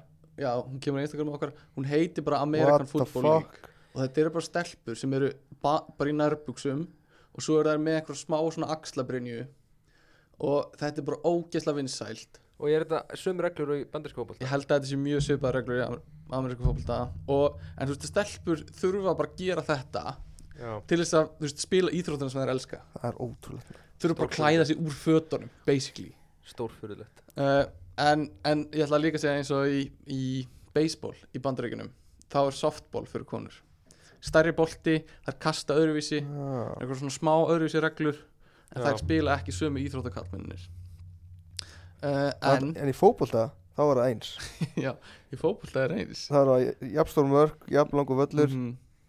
í, Það körfu, poppar reglulega upp svo umræða hvort það er að minka mörkin já, í, og völlin í sko. körfu er minni bolti Já, er minni bolti mm. já, aðeins minni en, bolti en er hann körfan jafn há? Er körfan? körfun er jafnháar og boltin er bara minni ég held að sé bara út af því að það eru minni hendur Til þess ég að finnst auðveldara. þetta make a sense í fótbolta þeir myndu minga mörkin Já, því að sko já ég ætla nú hérna ekkert að vera að labba á glærbrótum hérna en, Mhm, en sko sko ef þú horfir í íslensku deildina já, markmenn í kvennaboltanum mm, eru alveg hræðilegt sko. já, þau bara þær, þú veist það er bara ná ekki í hotnið já, þetta er Nei. bara ekki sama þú veist það ætti að vera sama skotið mm, skilur skot frá stelpu fyrir utan teig mm, ætt, sem er upp í hotnið ætti að vera jafn svona mikið hlutfall á kvengis markmaður og kallkis markmaður já, já, en markið er bara stórt já. Þú veist, það er bara, þetta, þetta er bara öðruvísi uh, herru, Mm. ég kom með hérna trans það eru sko 1,4 transkonur mm. sem sagt einhverju sem voru kannski kallmenn áður og eru Já. skilgjörn sem konur 1,4 á móti hverjum einum af hérna já, já, já. helmingi fleiri rúm, já tæplega helmikið fleiri Já, Eh, er einhver, einhver rannsókn Eh, sem ég fann hérna uh, er alveg sammála samt mér finnst svona tilfinning mín er að það séu miklu fleiri já, transkonur sko já ég veit ekki hvað það er öruglega líka tengt bara umræðinni já, þú veist, það er það er bara miklu meira líka búið að náttúrulega í kringum sko held ég þetta svona alls konar sem svo drag mm.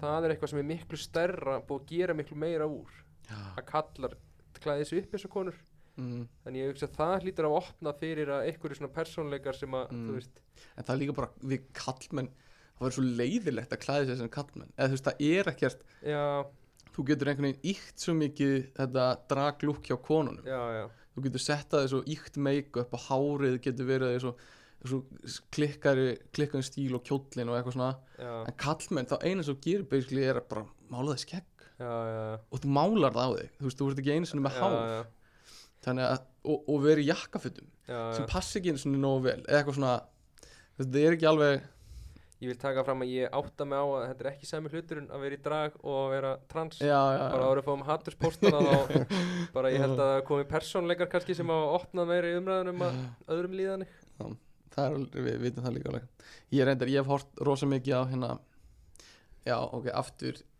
ekki að segja þessi samansemmerkjum villi en ég hef hort rosa mikið á RuPaul's Drag Race já, með kæristinu minni já, uh, hendur henni með já, uh, og uh, það er aldrei gaggin hefur kallt maður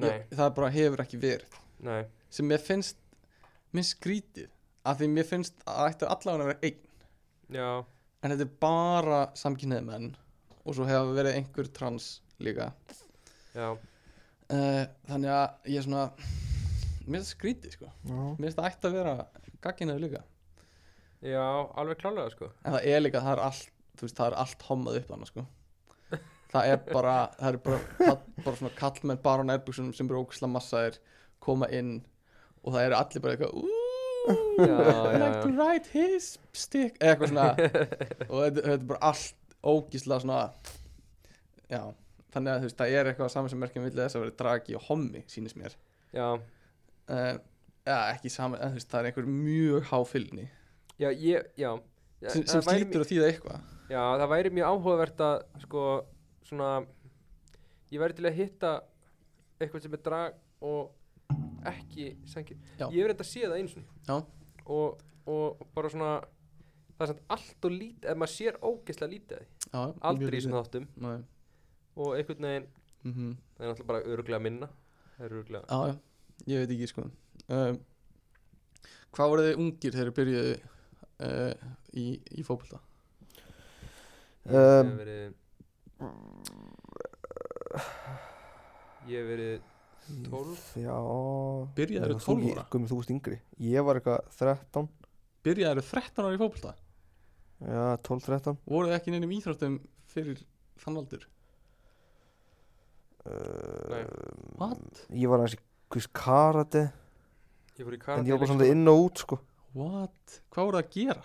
Nei, ég ætli ég hafi ekki verið í svona 5. bekk 11 ára eða eitthvað Já, ég byrjaði svona 7-7 Ég byrjaði í körfu sko 5 ára já, og og var í körfu bara já ég var bara svo mikill nörd sko Já, ok ég bara, ég hafði bara gaman að vera eitthvað í Lego og eitthvað Mm. og bara, sko mamma fór með mér í fótbolta uh, og hún, mér langaði ekkert að vera þar nei, mér langaði bara að fara heim og ég reyndi að hætta uh, og hún eitthvað svona sá eftir að hafa ekki látið Óla eldri bróður minn vera mm, meir í Mm, íþróttum mm. þannig að hún bara eitthvað, nei, Guðmundur fer bara í íþróttir og ég Ah. bara neyða hann í að vera þessi í þessu uh, þannig að ég bara svona var eiginlega smá neittur í að finnast gaman að Vá, st- já Ég, hérna uh, Ég fekk svo mikið útrið að vera í körfu á þessum f- f- fyrst svona yngri árum já, Ég er með geggjaðan þjálfara til að byrja með uh, Kjartan Nei, Nei, það var ég var setna fyrst með Jón Káir Sjáðat og Jón Káir uh, Og svo var ég með Kjarra, Kjartan alltaf Sem er núna Big Shot hjá stöðu 2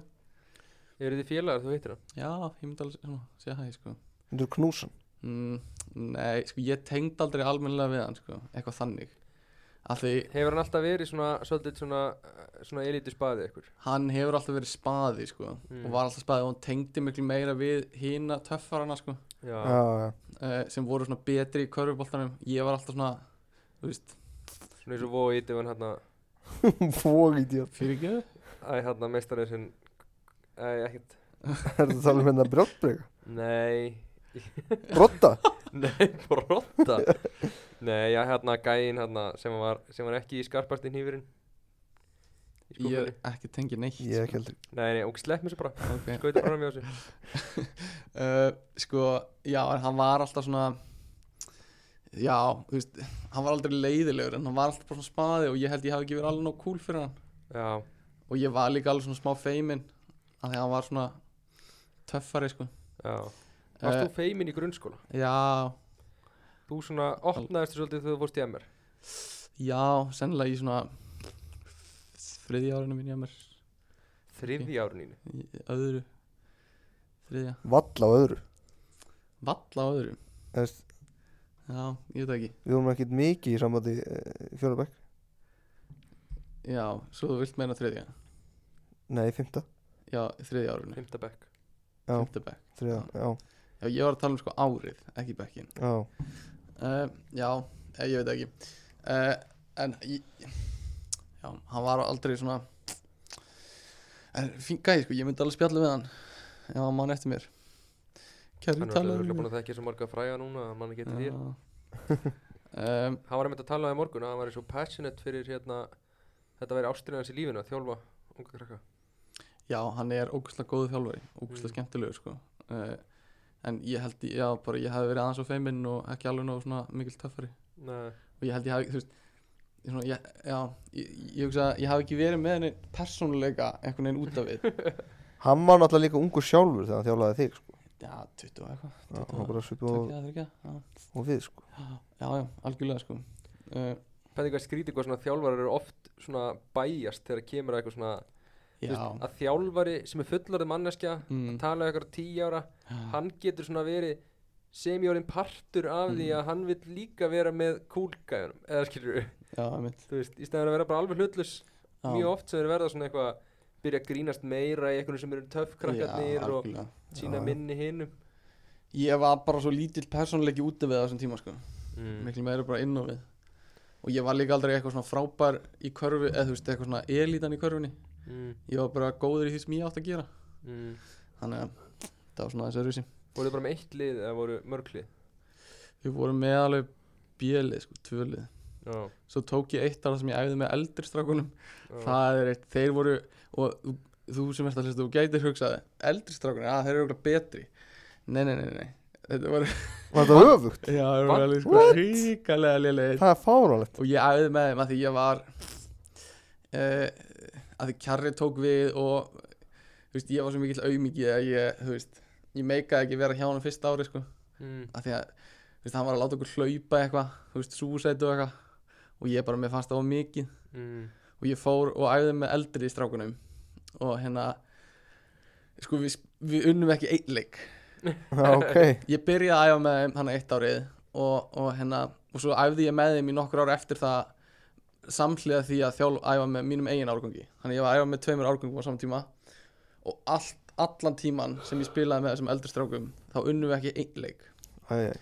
það bara, við spilum mjög hundra leiki en, en það var ógeðslega góð stemning Er það? við vorum bara syngjandi á æfingum og eitthvað svona, þetta var bara eitthvað svona þetta var svona mest svona lúðar uh, og, og hérna, það var ógeðslega gaman Þannig að það er engin úr þessum aldersflokki í stjörnunni sem fór eitthvað í dómurstildina nei, nei, engin sko uh, en uh, já, þetta eru- þetta eru góði vinni mín sko og ógislega skemmtilegir og já, það var alltaf gegg í stemning og einhver, miklu meiri svona, ste- svona liðsheild og stemning heldur en nokkuð tíman hjá hinum sko, Já, ok að því fókusin var miklu meira á að hafa gaman heldur en Þú veist- Já, já. að spila körfu og hérna, Vanda svolítið meira svo leiðis já og mér fannst bara gegg að hafa einn þannig árgang, skilur við Þú veist, við bara spilaðum í verri, veist, æfiðum í verri salnum af því hinn er fengu alltaf betri salin og eitthvað svona en það var bara ógeðslega gaman á æfingu og hérna, já, ég kunna að meta það sko uh,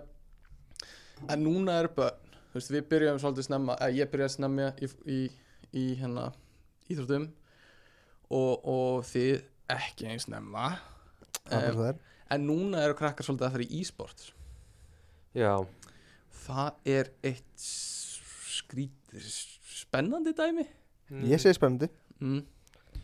en sko á stuttum tíma, djúvill hefur þetta stækkað Já, Sko, mér finnst, mér finnst frábært að krakkar fari í e-sport mm. Mér finnst það frábært að sé haldið utan um þetta sé höfðu lið og að krakkar geti farið og stunda þetta sem áhómál og FH er með, þú veist, æfingardeild Já, fylgir og eitthvað svona já, En sko, keft á RIG en, sko, Reykjavík International Games en þú veist, þetta er ekki íþrótt þannig séð, þetta er ekki reyfing skilur Nei, þetta er bara svo, þetta er bara svo skák, skilur eða skilur, þetta er bara eins og já, þetta er bara eins og, eins og margt annað mm. en þú veist, mér finnst ennþá að krakkar þurfu að fara í einhverja hreyfingu skilur, já mér finnst svona þetta kemur ekkert í staðinn fyrir einhverja aðra íþrótt skilur, En þetta er- er bara svona gott að sé haldið utan um eitthvað sem að getur, krakkar geta stunda eins og íþrótt en Það- er, já er ekki hægt að vera með íþrótt án hreyfingar eða þú veist, er ekki hreyfing bara nei, ég var að segja, þú veist, að hreyfing er holl fyrir þig já, þannig ég myndi segja að þú ættir að reyna að fá alla krakka mm, til að hreyfa sér líkamlega já. hvort sem maður ætla að stunda þetta sem íþrótt eða ekki Mhm. þá svona skilur þetta kemur ekki í staðin skilur ef, ef að krakkin ætlar í fótbolta já. samanbúið ef að krakkin ætlar í e-sports Mm.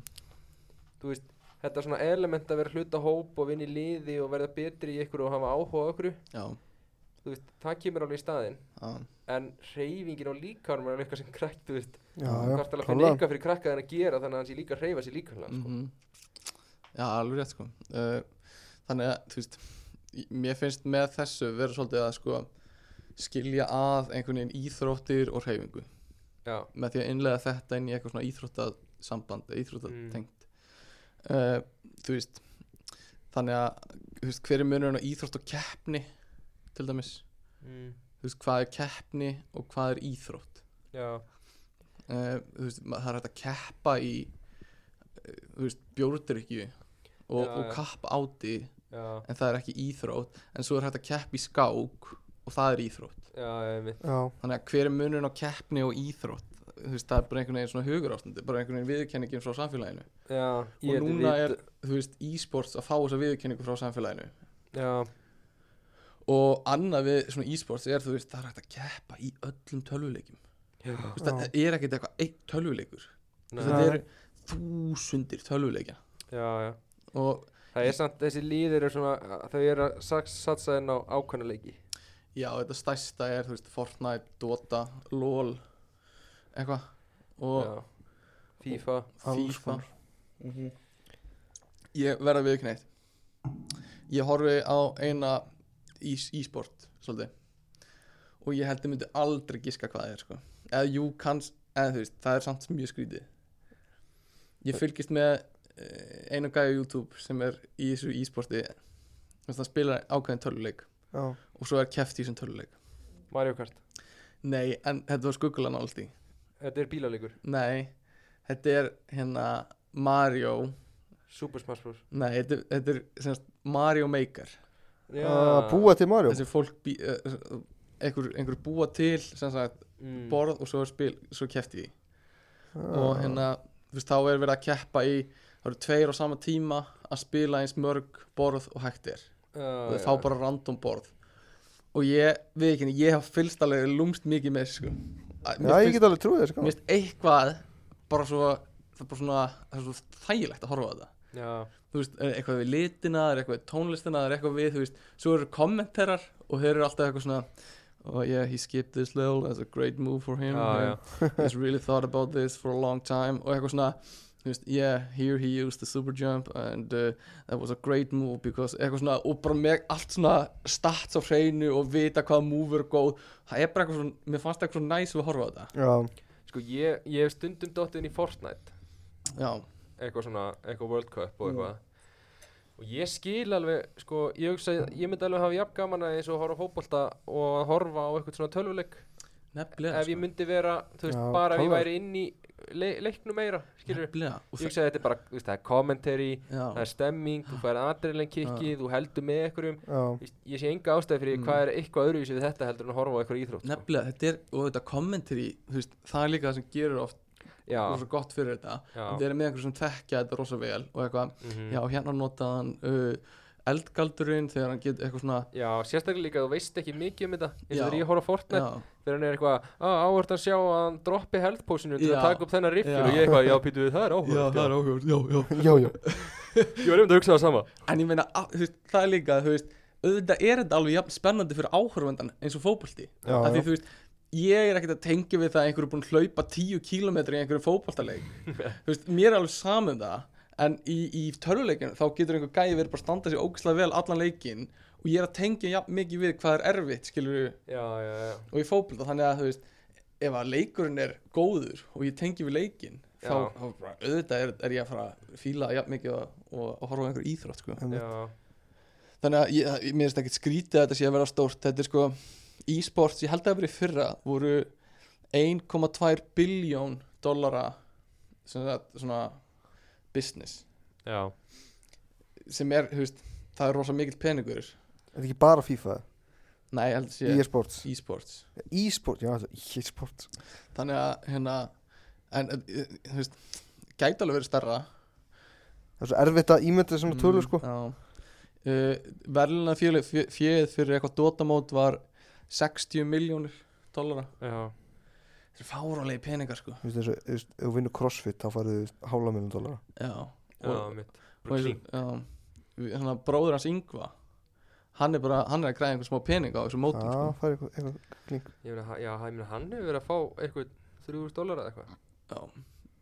og fólk er sko, nú eru fóreldrar sko að þú veist, það er ekki eitthvað svona hérna, mamma má ég fara í tölvuleik uh, hérna, og hún segir þú veist, nei, fara út að leika núna er það mamma má ég fara út að leika og hún segir, nei, þú ert að æfa þig í tölvuleik Já Pældi eitthvað umræðan sem við þekkjum mikið, við vorum yngri Þetta er eitthvað svona, máttu gera mikið í tölvunni Börni að bara vera í hálftíma á dag í tölvunni Já, og allt eitthvað niður pældi hvað þau höfðu rámt fyrir sér eða bara svona hvað þetta virkaði lítið mm, þú veist þessi svona einhvern veginn við vorum bara byrjunin á því og nú er þetta orðið Já. íþrótt í staðan fyrir að það var gert eitthvað til að láta fólk hætta að spila Já, þá er þetta núna bara orðið íþrótt Mm. og íþróttafélur eru farin að samþykja þetta já, börnur eru farin að æfa þetta og þetta er bara svona einmitt. þetta var ekki þetta var svolítið tímaskekkja að vera á mótið þessu Já. líka tölvuleikir er orðin svo flotti líka Já, það er svona- fáránlegt, það eru sta- þróast mikið og hvað er Já. eiga eftir að þróast mikið á næsta árum sko. já það er bara fáránlegt 20 ár, ég er búið, 20 ár. ég er búið að minka haldi þess, þessi umræð hvað er það? eitthvað krakkar sé að spila mikið tölvuleiki Ég og eitthvað held að hann hefði Já, minkað en hefur líka sko. bara fæst yfir á símana Krakkar voru mikið í símanum og eitthvað. örgulega eitthvað En þú veist, ég held að þú sé alveg ennþá í gangi Ég er líka, ég hugsa, ef ég væri fóreldri Þá er ég alveg, ég hef alveg ágjör á krakkanum mínum Að vera 8 tíma á dag í tölvunni Já, sko. já, klálega já, já. En ég ég, hugsa um að hann hefði, hefði ég hefði minnkað meiri áhyggjur af krakkarum mínum ef að, ef að, ef að krakki minn væri í símanum á samfélagsmiðlum Mm, í fimm tíma á Já, dag Já, heldur en ef hann væri að spila tölvuleiki í fimm tíma hann getur Já. ekki keft í að vera í símanum sko einmitt Nú er þetta eina markmið við börnum Ég er ekki samfélagsmiðla smá keppni samt? Svona innbyggð keppni Innbyggð einhver svona lægkeppni í þessu. Jú, jú, svo sem Akkur er samfélagsmiðla ekki íþrótt hmm? Riddle me that, bitch uh, Nú er ég að tapa maður uh, Hvað finnst ykkur um að við Þurfum að stríma töluleikin Við þrýr, Eh, Vá, Mm. maður sko, já, ég held að veri geðveikt er svona, svona ekkert að frétta með svona stream á einhvern töluleik Það var trullu gaman þú veist, við myndum kannski velja einhvern töluleik og væri með kameru á okkur sko og Já. með mækana Já, og svo þú veist, væri við bara að rekorda í, sjón, í Playstation eða eitthvað Og væri ekki viss bara í, að lana basically Jú, væri bara, segjum, til dæmis í Overcooked Já, og, og væri bara, þú veist, að, að spjalla og, og hérna, já, hvað finnst ykkur um það? það var gaman mér finnst það frábær hugmynd, sko Nei, Við við væri alveg til í að prófa það sko en við endur að láta ykkur vita þeir sem er að hlusta hvort að, En við þurftum náttúrulega að rekorda líka sko skjáin okkar já það er innbyggt í tölunni sko Er það? Ég held það sko, ég Playstation Já, Sé ekki til já, PlayStation. held þessi líka innbyggt í Nintendo tölunni það er það Þannig að hérna Láta okkur vita endur á ekkert að frétta at gmail hvort að þið verður til í að sjá okkur sliðis Og, og hvaða leik þið viljið sjá? Já, endurlega hvaða leik þið vil sjá og líka eitt annað hérna, senda okkur endurlega topic sem þið vilja að við tölum um uh, af því það er svolítið svona erfitt að vera alltaf að láta sér detta eitthvað nýtt í hug Já, þannig að hérna uh, láta okkur vita hvað þið viljið heyra og senda okkur post að ekkert að frétta já með fyrirspurnum og, og ekki- hérna, hvort myndir sögja spurningum og eitthvað Og ekki velja FIFA, það er niðurlæðing Já, ekki velja FIFA, ég nenni ekki að spila FIFA eða aðra íþróttaleiki Það, líka það, akkur nenni ég ekki að spila íþróttaleiki í, í sem tölvuleiki ég persónulega Spilaðu ynga? Þetta Nei. hefur ekki Veist, spilað ég neina fíla ekki eins og NBA körfuboltaleiki Ah, og það er ég áhugavert. fíla ekki FIFA ég fíla eiginlega ekki ég fíla náttúrulega klálega ekki eitthvað svona hockeyleiki En þú og eitthvað samt, skilur, þú náttúrulega horfir heldur ekkit mikið á körfubolta svona. mm, eða fótbolta eitthvað það er góð punktur En þú ert mér finnst eiginlega bara skemmtilegast að spila það, sko. Já, mér finnst gaman að kepp, eða þú veist bara kepp í íþróttum sjálfur já mér finnst það ekkert frábært að horfa á íþróttir En eins og Það er margir FIFA, svona FIFA helst miklu meir í hendur þá sem á gaman að horfa á fótbolta Mm. heldur en fyrir þá sem á Mm. gaman að spila fótbolta það er góð punktur það er, eh, þú, þú veist sjónarhónd er líka basically það sem það horfir á Já. þegar þú horfir á fólkta Og það er líka, þú ert að spila þannig sem að þér finnst áhugavert að pæli og ert að horfa á Já, leiki, skilur, já. eitthvað svona, þú spila eitthvað leikplani eða eitthvað ákveðna sendingar og eitthvað svona, gjör ólíkt í að spila fótbolta. Góða punktur sko um, Já Hvað hérna finnst ykkur um eins og peninga íþróttum Þú veist, konur fá alltaf tölvöld minna borga Já. Já og þú veist, finnst ykkur það eðlilegt bara út, bara út frá sko áhörundu tölum þá svona sem í bara pjúra kapitalism Ég, þess, Þetta er bara svona kerfið skilur Já, þetta er bara, þú veist, þeir sem þeir sem f- þéna meira það sem er meira auðlýsingatekjum, þeir fá meira að borga Já, já í kalladeldunum Sko, mér finnst þetta vera eðlilegt hjá félagsliðum ok, af því að þar er þetta business, mm. bara eins og ég minna leikmenn eru keiftir af því að þeir eru með ákveðið nafnatreginu sinni, koma frá ákveðinu landi, já, þannig að þá geta þeir selt meiri tregjur í því landi og þú veist, þetta er allt bara business. Já, já mm. Þannig að þá finnst mér eðlilegt ok mér finnst að í landsliði með þetta vera hérna bara s- sama sko hvernig er mikið borga fyrir landslið Það er eitthvað það er eitthvað borgað og það er Mm. ekki það sama Er það ekki það sama á Íslandi? í, ég veit ekkert hvernig Ég held að það sé það sama á en ég Íslandi meina bara eins og þeirra bandaríska kvennalandsliði og hérna voru tóku við hérna heimsmeistaramótinu mm. titlinum Mm. og voru að berjast fyrir equal pay já, og fólk var að tjanta þetta þegar unnu já, þannig að þær eru greinilega eða voru ekki ég já, veit ekki hvort það fór í gegni eða eitthvað já en mér finnst eðlilegt að landslið borgi sömu upphæðina mm -hmm.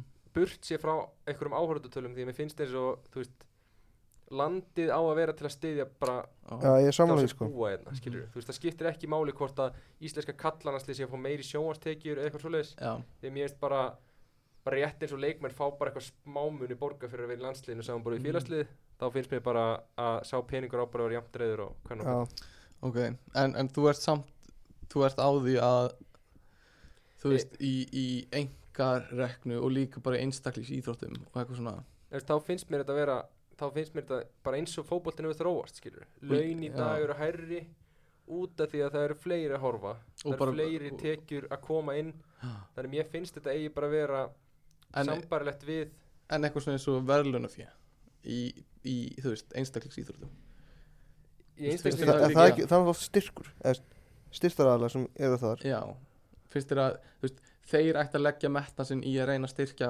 hvor bæði kynni jafnt eða finnst þér mega sens að þessi að styrkja þá sem eru að þjána meira fyrir þá meira Það, það er meira, meira sens Fyrir fyrirtækið fyrir fyrirtækið Já mm. En ég myndi segja styrkur sko, mér finnst eiginlega sem eins og styrkur frá einhverju svona bandalæginu Mm. ætti að vera jafn Mm. en ekki frá endilega styrtar aðalega eins og Coca-Cola eða eitthvað. Eh, ég veit ekki, menn það er náttúrulega bara business Mm. skilur mér finnst allt í lagi ef að fyrirtæki myndu bara þú veist, sem ég hafa það á stefnu að, að gera bara jafnt verðlunar fyrir já, Þú veist, eða það- bara líka span, s- þú veist, bandalægið væri bara með þannig mm. að þú getur bara styrkt bæði já, skilurðu. já, já, bara ef þú ætlar að styrkja kalla sigurverðan Mhm. þá ert að styrkja hvenna sigurverðan 50-50 Já, ég, mér finnst það mega sens og mér, þú veist, ég held að það sé megi líka meira sens uh, þú veist, kannski ekki í beinum hagnaði en meira bara svona út af ímyndina á fyrirtækinu já, já. Já, fyrirtæki á bara að ráða þess ok, ef það er betra fyrir ímyndum mín að borga jafn, þá gerir ég það já, sem, sem að gera, þú veist, það, það er ekki að virka Þú nei, nei, veist, það er ekki nógu gott fyrir þau en er þetta ekki samt svona að sko, skána, í, skilurðu? í, í hérna til þess að sko, í- crossfit er þetta eins já, sko, í fyrsta lagi þá eru allir hæstlaunuðustu íþróttumann heims kallar og ég er með lista hérna sem ég ætla að fara yfir eftir má en líka, sko, þetta er þetta er frekar svipað í tennis Mm Svona frekar svipað eins og Serena Williams og eitthvað svona já, já, þau eru með hálaun þau frekar svipað hjá kvöllum í tennis já, en þegar við erum að, þú veist, komnir í einhverja aðrar íþróttir eins og, þú veist, kaurubolta eða eitthvað er ekki, einu sinni- ekki einu svona nálætti, sko nei, nei, -hmm. bara fáránlega langt frá sko. Já, það mun aldrei gera sko En mér, finn, mér finnst það líka vera, þú veist, ef við erum að tala um svona laun Já, þá finnst mér það líka bara vera, þú veist, bara eins og í öllu skilur mm, þú veist, fyrirtæki sem að þú veist, fyrirtæki borga bara meira mm, fyrir eitthvað sem er verðmætara mm. þú veist, þannig að þetta er í rauninni hvort þú ert kallega kona sem ert ráðin í vinnu eitthvað staðar ef að þú, vinnan þín gerir að verkum að, að fyrirtæki græðir 100 miljonum meira Já, samanbúrið við einhver kona gerir að verkum að fyrirtæki græðir 500 miljonum meira já þú veist, þá bara finnst mér eðlilegt að hún fá að herri laun skilur mm. En eins og uh, við þú veist, erum við að vinna að einhverju í þessum málum þú veist, eins og í geti betur var settur kynjakvoti Mm. Mhm, til þess að, þú veist, hvetja konur til þess að ko- taka meiri þátt og, og hvetja þú veist, til þess að, að það séu sínilegri, þannig að konur mö- vonandi komu meira inn í liðin mm -hmm. og það er markmiði, skilur og það virkaði, held ég uh, og, og svo má kannski taka kynjakvotan af, veit ekki en í þessu, þú veist, að hvaða markmiði er, erum við að vinna, að því konur þú veist, þær verða aldrei jafn sterkar og kallmenn Nei, Eða, þú veist, það er ekki verið að vinna að einhvern veginn því markmiði þú veist, þær verða aldrei jafn snöggar eða eitthvað svo leiðis þannig að þú veist, markmið, hvert er markmiði sem væri verið að vinna að með því að þú veist, hafa jafn launa dreifingu á, á kynjunum Sko Bara það sem að make a sense eins og til dæmis landsliðin Mér finnst það svona Til dæmis eitt dæmi þar sem að Mm. en Það þá, ætti þá að vera verða konur bara að sætta sig við það að í bara flest, langflestum þú veist, langflestum keppnum sem það taka þátt í sem eru ekki landsliskeppnir þá þá er það bara ekki að fara að fá jafn mikið penningu kallar Já, en þú veist, við var ekki frekar að hugsa að sko að við ættum frekar að skilur byggja upp hvenna íþrótina í staðan fyrir að alltaf vera að bera hann sama við kallana ok, ok, hvað, hvað, hvernig þá? þú veist bara bæta umgjör sína fleiri leiki ok, þú veist hveta fólk á völlin en og af hverju svona ætti við vilja sína fleiri leiki ef að, þú veist, á, hvernig er áhörðu á hvernig leiki? uh, ég hef ekki hugmynd ok, en þú veist bæta umgjör þú veist þá hor horfa fleiri á þú veist ok, en það er líka eitt sko að eins og sko konur virðast minna horfa á kvennafókbalta mm, það er þetta góða punktur ég finnst Og- þetta líka já það Og- gera það sko ég meina eins og eins og hérna á Chelsea Facebook síðunni mm. það eru oftur að fylgjast með kvenna- kvennaliði Chelsea Mm Mhm. og það er eiginlega undartekningalaust kallmaður sem postar upp um eitthvað sem var að gerast og Já. einhverju kallmenn að leita strími mm. og eitthvað svona já, ég hef hýrt eitthvað svipað Mm. þú veist, það, það líka vantar svolítið sko, ah, góð, eitthvað þar það vantar eitthvað áhuga líka bara á íþróttunni sem svona afþreyingu sko. mm. ok ég hef heyrt þetta líka sko a- að konur er ekki eins mikið að horfa á konur uh, já sko uh, listi yfir uh, uh, sko launahæstu íþrótumenn heims, þetta eru allt kallmenn mm. uh, hver haldi þessi efstur? Floyd með þér Sástu? Nei. Já, það er rétt uh, og hver heldur að sé svo? uh, er hún aldrei það Það er Ronaldo Svo Messi og svo Lee Brown James uh, sem er köruboltamaður og svo uh, Roger Federer sem er tennismaður og svo Woods og uh, er Tiger Woods ennþá sem lista mm hann er svo ekki íkon sko hann Svo- verður hann bara alltaf þetta, er- þetta, er síðast, þetta er síðasta áratug sko Þetta er síðasta la áratug last decade sko uh, og svo er einhver sem heitir Phil Mickelson sem er held í golf Já, gólari Já. og Manny Pacquiao uh, og Kevin Durant og Lewis Hamilton sem er formúla Já formúla er einhver íþrótt sem ég held að Er sé þetta top 10? eða? að top 10 Er bara eitt korfbólsmaður? Er, það er tveir korpulmenn Kevin Durant Kevin Já, Kevin Durant, og, og Lee Brown Lee Brown James Kobe er ekki hana uh, hvernig hætti Kobe? tvö, þrjú ár síðan Uh, nei, er ekki lengra Nei. Mm. Uh, og það er enga konur sem, þú veist, kemur einhverjum á óvart þannig séð er Serena Williams ekki að lista Nei, Serena er ekki uh, Já, þannig að e, Formúla, já er íþrótt sem ég svona heldur sér ógislega erfið en maður áttar sér kannski á því Já, það er þetta að tengja hana Já, Ég skil, sko, ég skil ekki hvernig fólk nennir að horfa á formúlu Nei, Nei, frændi minn gerði þetta ókvæslega mikið Já, bróðum minn gerir þetta líka Þú veist, ég skil þetta ekki Þú veist, Tommy gerir þetta, eða ekki? það fór Stundum. pappas Tom og, og bróður hans Já, Ég skil ekki, þú ert að horfa á keiringi mm, og svo eitthvað svona tekur einhver fram úr einhverjum mhm, svo er hann fram úr næstu 14 ringi mm -hmm. mhm, þetta er bara eitthvað, ég skil ekki koncepti já, maður ætti að prófa þetta kannski að horfa á þetta Já, já ég kannski, veit þú ekki, ég veist, veist líka bara hljóði leðilegt ég veist alveg þetta líka veist, ég er bara svona, ég Veitu, fæ í hvað er á hausinn hljóðinu?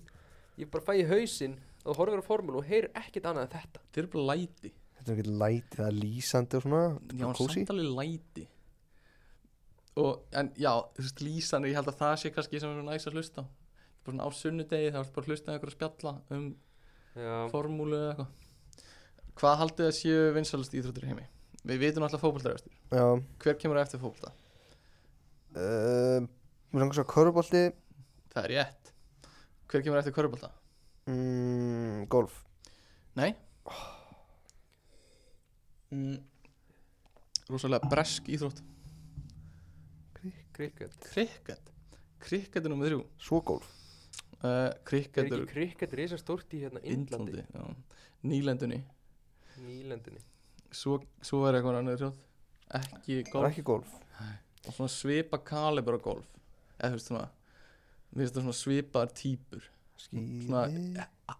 Skíði. Efri stjettin Skíði Ekki skýði Efri stjettin með svona Með svona peysur um, Svona bundna um öxlum Tennis. Tennis Tennis er nummer fjögur Og nummer fimm er Svona frjáls, frjálsariðutir Frjálsíður. Ah. draumurinn minn er að vera duglegur stund á tennis Já ég var ógíslega til í að svona búa ekki stöður í LA mm, og við erum alltaf út í sólinni í tennis Já ég er svona tennisfélaga Já og við svona erum báðir svona shareholders í einhverju fyrirtæki Já og við erum að ræða kannski eru þeir shareholders í TBR tennisvandalæginu Tipjör já, mm. Hm? einmitt uh, hver, hver er þjóðar íþróttin? Handbolti Er það handbólti? Já. Þjóðar íþrótt Íslendinga? Já. Hver er viðurkennt þjóðar íþrótt Íslendinga? Handbolti Er það? Já. En hver er svona þjóðar íþróttin í anda? Stefi búin að Handbolti ákveða eitthvað annað Ég, ég veit það ekki. Handbólti, er ekki fótbólti? Nei, sko það Vestfjara stunda vikingurinn Mm.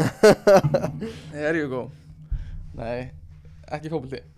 Nei, náttúrulega stunda flesti fótbolta Já.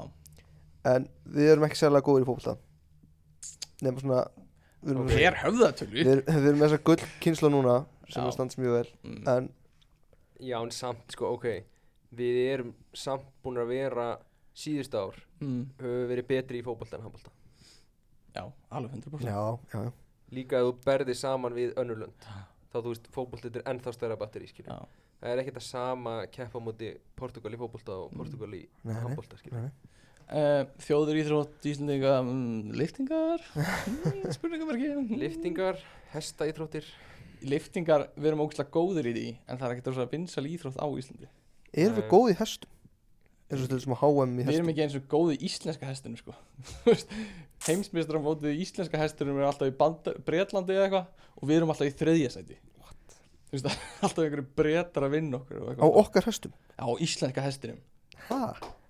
svo að, hérna, við erum ekki frábær Við erum bara svona meðal góða á íslenska hestunum í Jæja. alvöru ég held það sko, það er ógislega fyndið Þú veist, við vinnum kannski hér og þar en veitu, hvernig er það, er, er það er, hvaða, hvaða fólk er þú veist, með íslenska hesti Uh, það er sko gráni frá skörpuhlíð uh, er með íslenska heftin Hm. Nei, veist, hvað, þú veist, hver er þá góður á íslenska hestinu brettar, normenn, danir eða eitthvað svona ég er ekki sérfræðingur en er fólk já, ég, Ég held að heyrði- íslenski hesturinn væri bara svona svolítið contained á Íslandi nei, í- sko heimsmyndsnarmótið held ég eiginlega alltaf í útlöndum sko. já, já það Ok. er fáránlegt hvað útlenskir hestar eru stórir ég er Já, svo vanur þetta er íslenska hestinum rosalegt, sko. Já, já, einmitt og svo var lögga á hestinni í bæjum daginn já, og það var bara einhver hjúts skepp já, já, maður er bara hættur að lappi yfir sig sko. ég var bara, þú veist, íslenski hesturinn er einhver dvergur sko. já, uh, sko, já, þjóðir íþrótt Íslendinga er þá hvað, botch, botcha? botja, Ja, nýtt Eh, nýtt uh, sko, ég er með lista hérna yfir Hvað Aggi vill fara að sofa, það er eitthvað Nei, nei, ég er bara svona að gefa þér signal svona. Já, já, Eh. Hvað uh, þýtti þetta signal? Það er komin í einn og hálf já, Já, allt í lagi, Við já, ok. þurfum ekki að stressa okkur Ég meina lista yfir svolítið skemmtilega íþróttir uh, Hafið þið heyrt um ostahlaupið? Nei Þetta þetta er, þetta er það, sko ég man að hlustendur til að googla hvað kallar þetta hérna uh, cheese rolling og þetta er bresk íþrótt, íþrótt. Þetta, er semast, eh, þetta er ógisla brött brekka í Bretlandi og hérna þeir eru með svona ostahjól Já. svona cheese wheel Mm. og það stendur bara kannski 100 manns efst í brekkunni og svo er cheese hjólið látið rúlla niður og svo hlaupa bara allir á eftir því og fólk er bara veltandi niður brekkuna þú veist, Er markmið hundruð að ná því eða? ég, ég, veist, já, en þú veist að ég er ekki að fara að ná því fólk er bara, að hlu, bara að láta sig gossa niður bara flugbratta brekku Ok, og er bara rúllandi og dettandi og þú veist, þetta er fáránlegt sko. og hérna ég veit ekki hvort þið sjáu þetta, ég er með myndband af þessu já og fólk er bara að detta kannski 70 metrar niður og þetta er einhver íþrótt í Breitlandi Er þetta minnbót úr dalnum eða? Já, þetta er svolítið eins og fólk læt myndi hlaupa niður brekkuna í dalnum Svo er eitthvað sem heitir wife carry eiginkonu Já, já, Heldur á konunni einu bara Já, og þú ert að hlaupa með einhverjar þrautabraut með konuna þinn og ég heldur mig að ráða hvernig hún er sko. Mm. margir eru með hana svona öfuga á öxlunum sínum eða eitthvað Já, já og þú ert að hlaupa í gegnum einhverjar þrautabraut Skemmtileg íþrótt líka hérna uh, boxskák Hafið heyrt um þetta?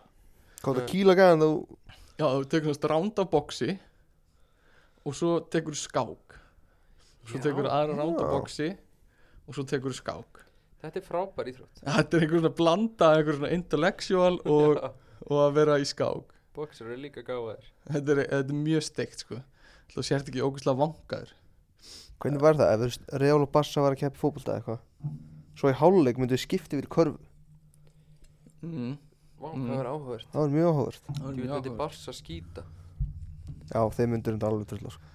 um, Svo erum við með extreme ironing og það er bara, þú veist, já Strauja extreme straujun þannig að fólk fer með strauja og straubretti og er að klifra upp á einhverja kletta og fara á einhverja synd út í einhverja eigur og eitthvað og svo strauja þér Shit, hvað það er gott Það er mér finnst geðvikt þetta bara svolítið eins og planking mér finnst þetta ekki beint íþrótt Nei, nei, þetta er þetta ekki er bara eitthvað svona internet challenge basically Mér langar þetta svolítið að fara Þannig að hafið ekki heyrt um þegar að fólk fer og f- tekur hlaup mm. og drekkur bjór alltaf einhver ákveðinu millibili Mm. eitthvað svona hálfu lítra bjór fyrir hverja, hverjan hálfa kílómetri eða Já. þetta hlaupa 5 kílómetri Úff. og það er Ég myndi sko. æla, geðvik það er svona- svona svo mikið stemming í keppni þú er að fara að keppi í þessu, þú ert eitthvað orðin verður alltaf meira og meira fullur og shit og ælir á þig og ælir á þig en heldur áfram og og slaupa og íbra stað uh, önnur m, fyndin íþrótt tilhjóðsynir finnst mér fyndin heitir bara, egg, bara eggjakast og er basically það að þú ert að kasta eggi á einhvern og hann á að grípa eggið og þú veist, ég held að sé Með ógæst að munninum? fynd nei, bara grípa það með höndunum Já. ég held að sé Og bara ekki ógæst að brotna. fyndið að horfa á fólk út af því ég held að sé bara brotna alltaf þú veist þannig að það er kannski að grípa eggið og það er beint fyrir saman andlitið á því og bara svona sm- slammast yfir andlitið Þetta er vist einhver íþrótt Svo hef ég séð alls konar svona underwater fútból, underwater hockey bara Já. alveg eins og venjulega íþróttin Ah. Mm. nema hún er, þú veist, í sundi er fólk, eru menn þá að fara upp og anda eða er, Já, það er bara með þú veist, það er ekki með kút, súrefnis kúta heldur að fer upp að anda, svo kafra það niður og þú veist, í underwater hockey þá ertu bara með einhvern pökk og þú ert bara basically að reyna að ná honum yfir Ok. veit ekki alveg Veit ekki með það veit ekki með þetta einn steikt íþrótt er eitthvað sem heitir bara sköflungaspark Ái ógæslega hræðilegt. steikt það verður bara einhverju tveir gæðir og þetta er þú veist, bardaga íþrótt eða eitthvað en þú veist, þetta snýst bara um að sparka í sköflungin þá getur maðurinn dettur á jörðu Shit, maður. þetta er þú veist já, ekki beint sjálfsvörin en þetta er eitthvað bara nú einn, tveir og byrja og svo standir fólk bara eins og svona íslenska glíman basically og svo er fólk bara að bomba í sköflungin á næsta manni já, uh, annað önnur mjög steikt ídrót sem heitir toe wrestling sem er bara eins og sjómann basically nema með fætuna og þú læsa er svona stóru tánum þú veist það er svona bíl á milli stóru tána oh. Já, og þau læsa svona stóru tánum á milli hjá hver öðrum já, og hérna svo eiga að reyna að íta fætunum uh, hjá andstæðingnum þannig að hann snerti eitthvað sem er þú veist hægra megin við hann eða eitthvað svoleiðis. ok og þetta er bara, þetta er svo brest þetta var bara eitthvað, það voru einhverju bretar á einhverju pub sem hugsiði bara, við erum aldrei að vinna neitt ég ætla bara, við erum að búa til keppni þannig að bretar geta alltaf unnið það og svo er þetta bara Þetta er einhver svona, einhver svona miðaldra kallmenn sem eru bara að keppa á einhverjum pub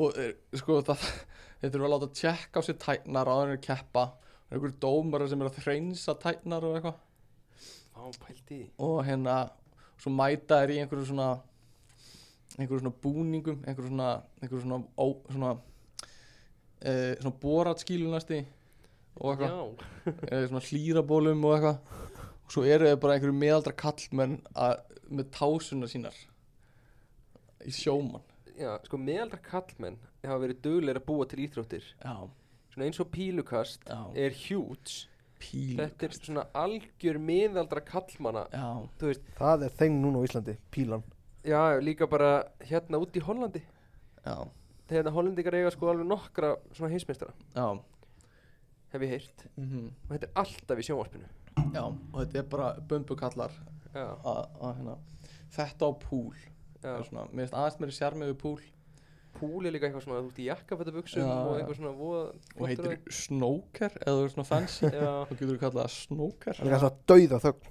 Já. þar Það er mjög steikt um, og síðasta sem ég á með er hérna íþrótt sem er mikið stundið í Suðaustur Asi þið hafið örgulega séð þetta á netin einhvers tíðar sem heitir Sepak Tra- Takra eða eitthvað svoleiðis Já, það og þetta er þetta hana blakið nema að banna að nota hendur og fólk er bara að nota einhver bara fætunar og stökku í einhver helgjastökku og eitthvað að sparka boltanum á milli það hafi öruglega séð einhver myndbönd af þessu einhver staðar en þetta er, þú veist, fólk er basically að nota fætuna til að, jú ég sé þetta til að sparka boltanum á milli svona helminga eins og í blaki þetta er Þetta er alltaf nett. ruggsklað sko hvað er, þetta eru góður í sig sko já, ég skil ekki alveg hvernig ég gera þetta sko og ég mæli með að fólk googla þetta sko þetta heitir Sepak Takraf það eru örgulega verið nokkrar íþróttir á svona lista Mm. sem að maður myndi hafa lúmst gaman að horfa á.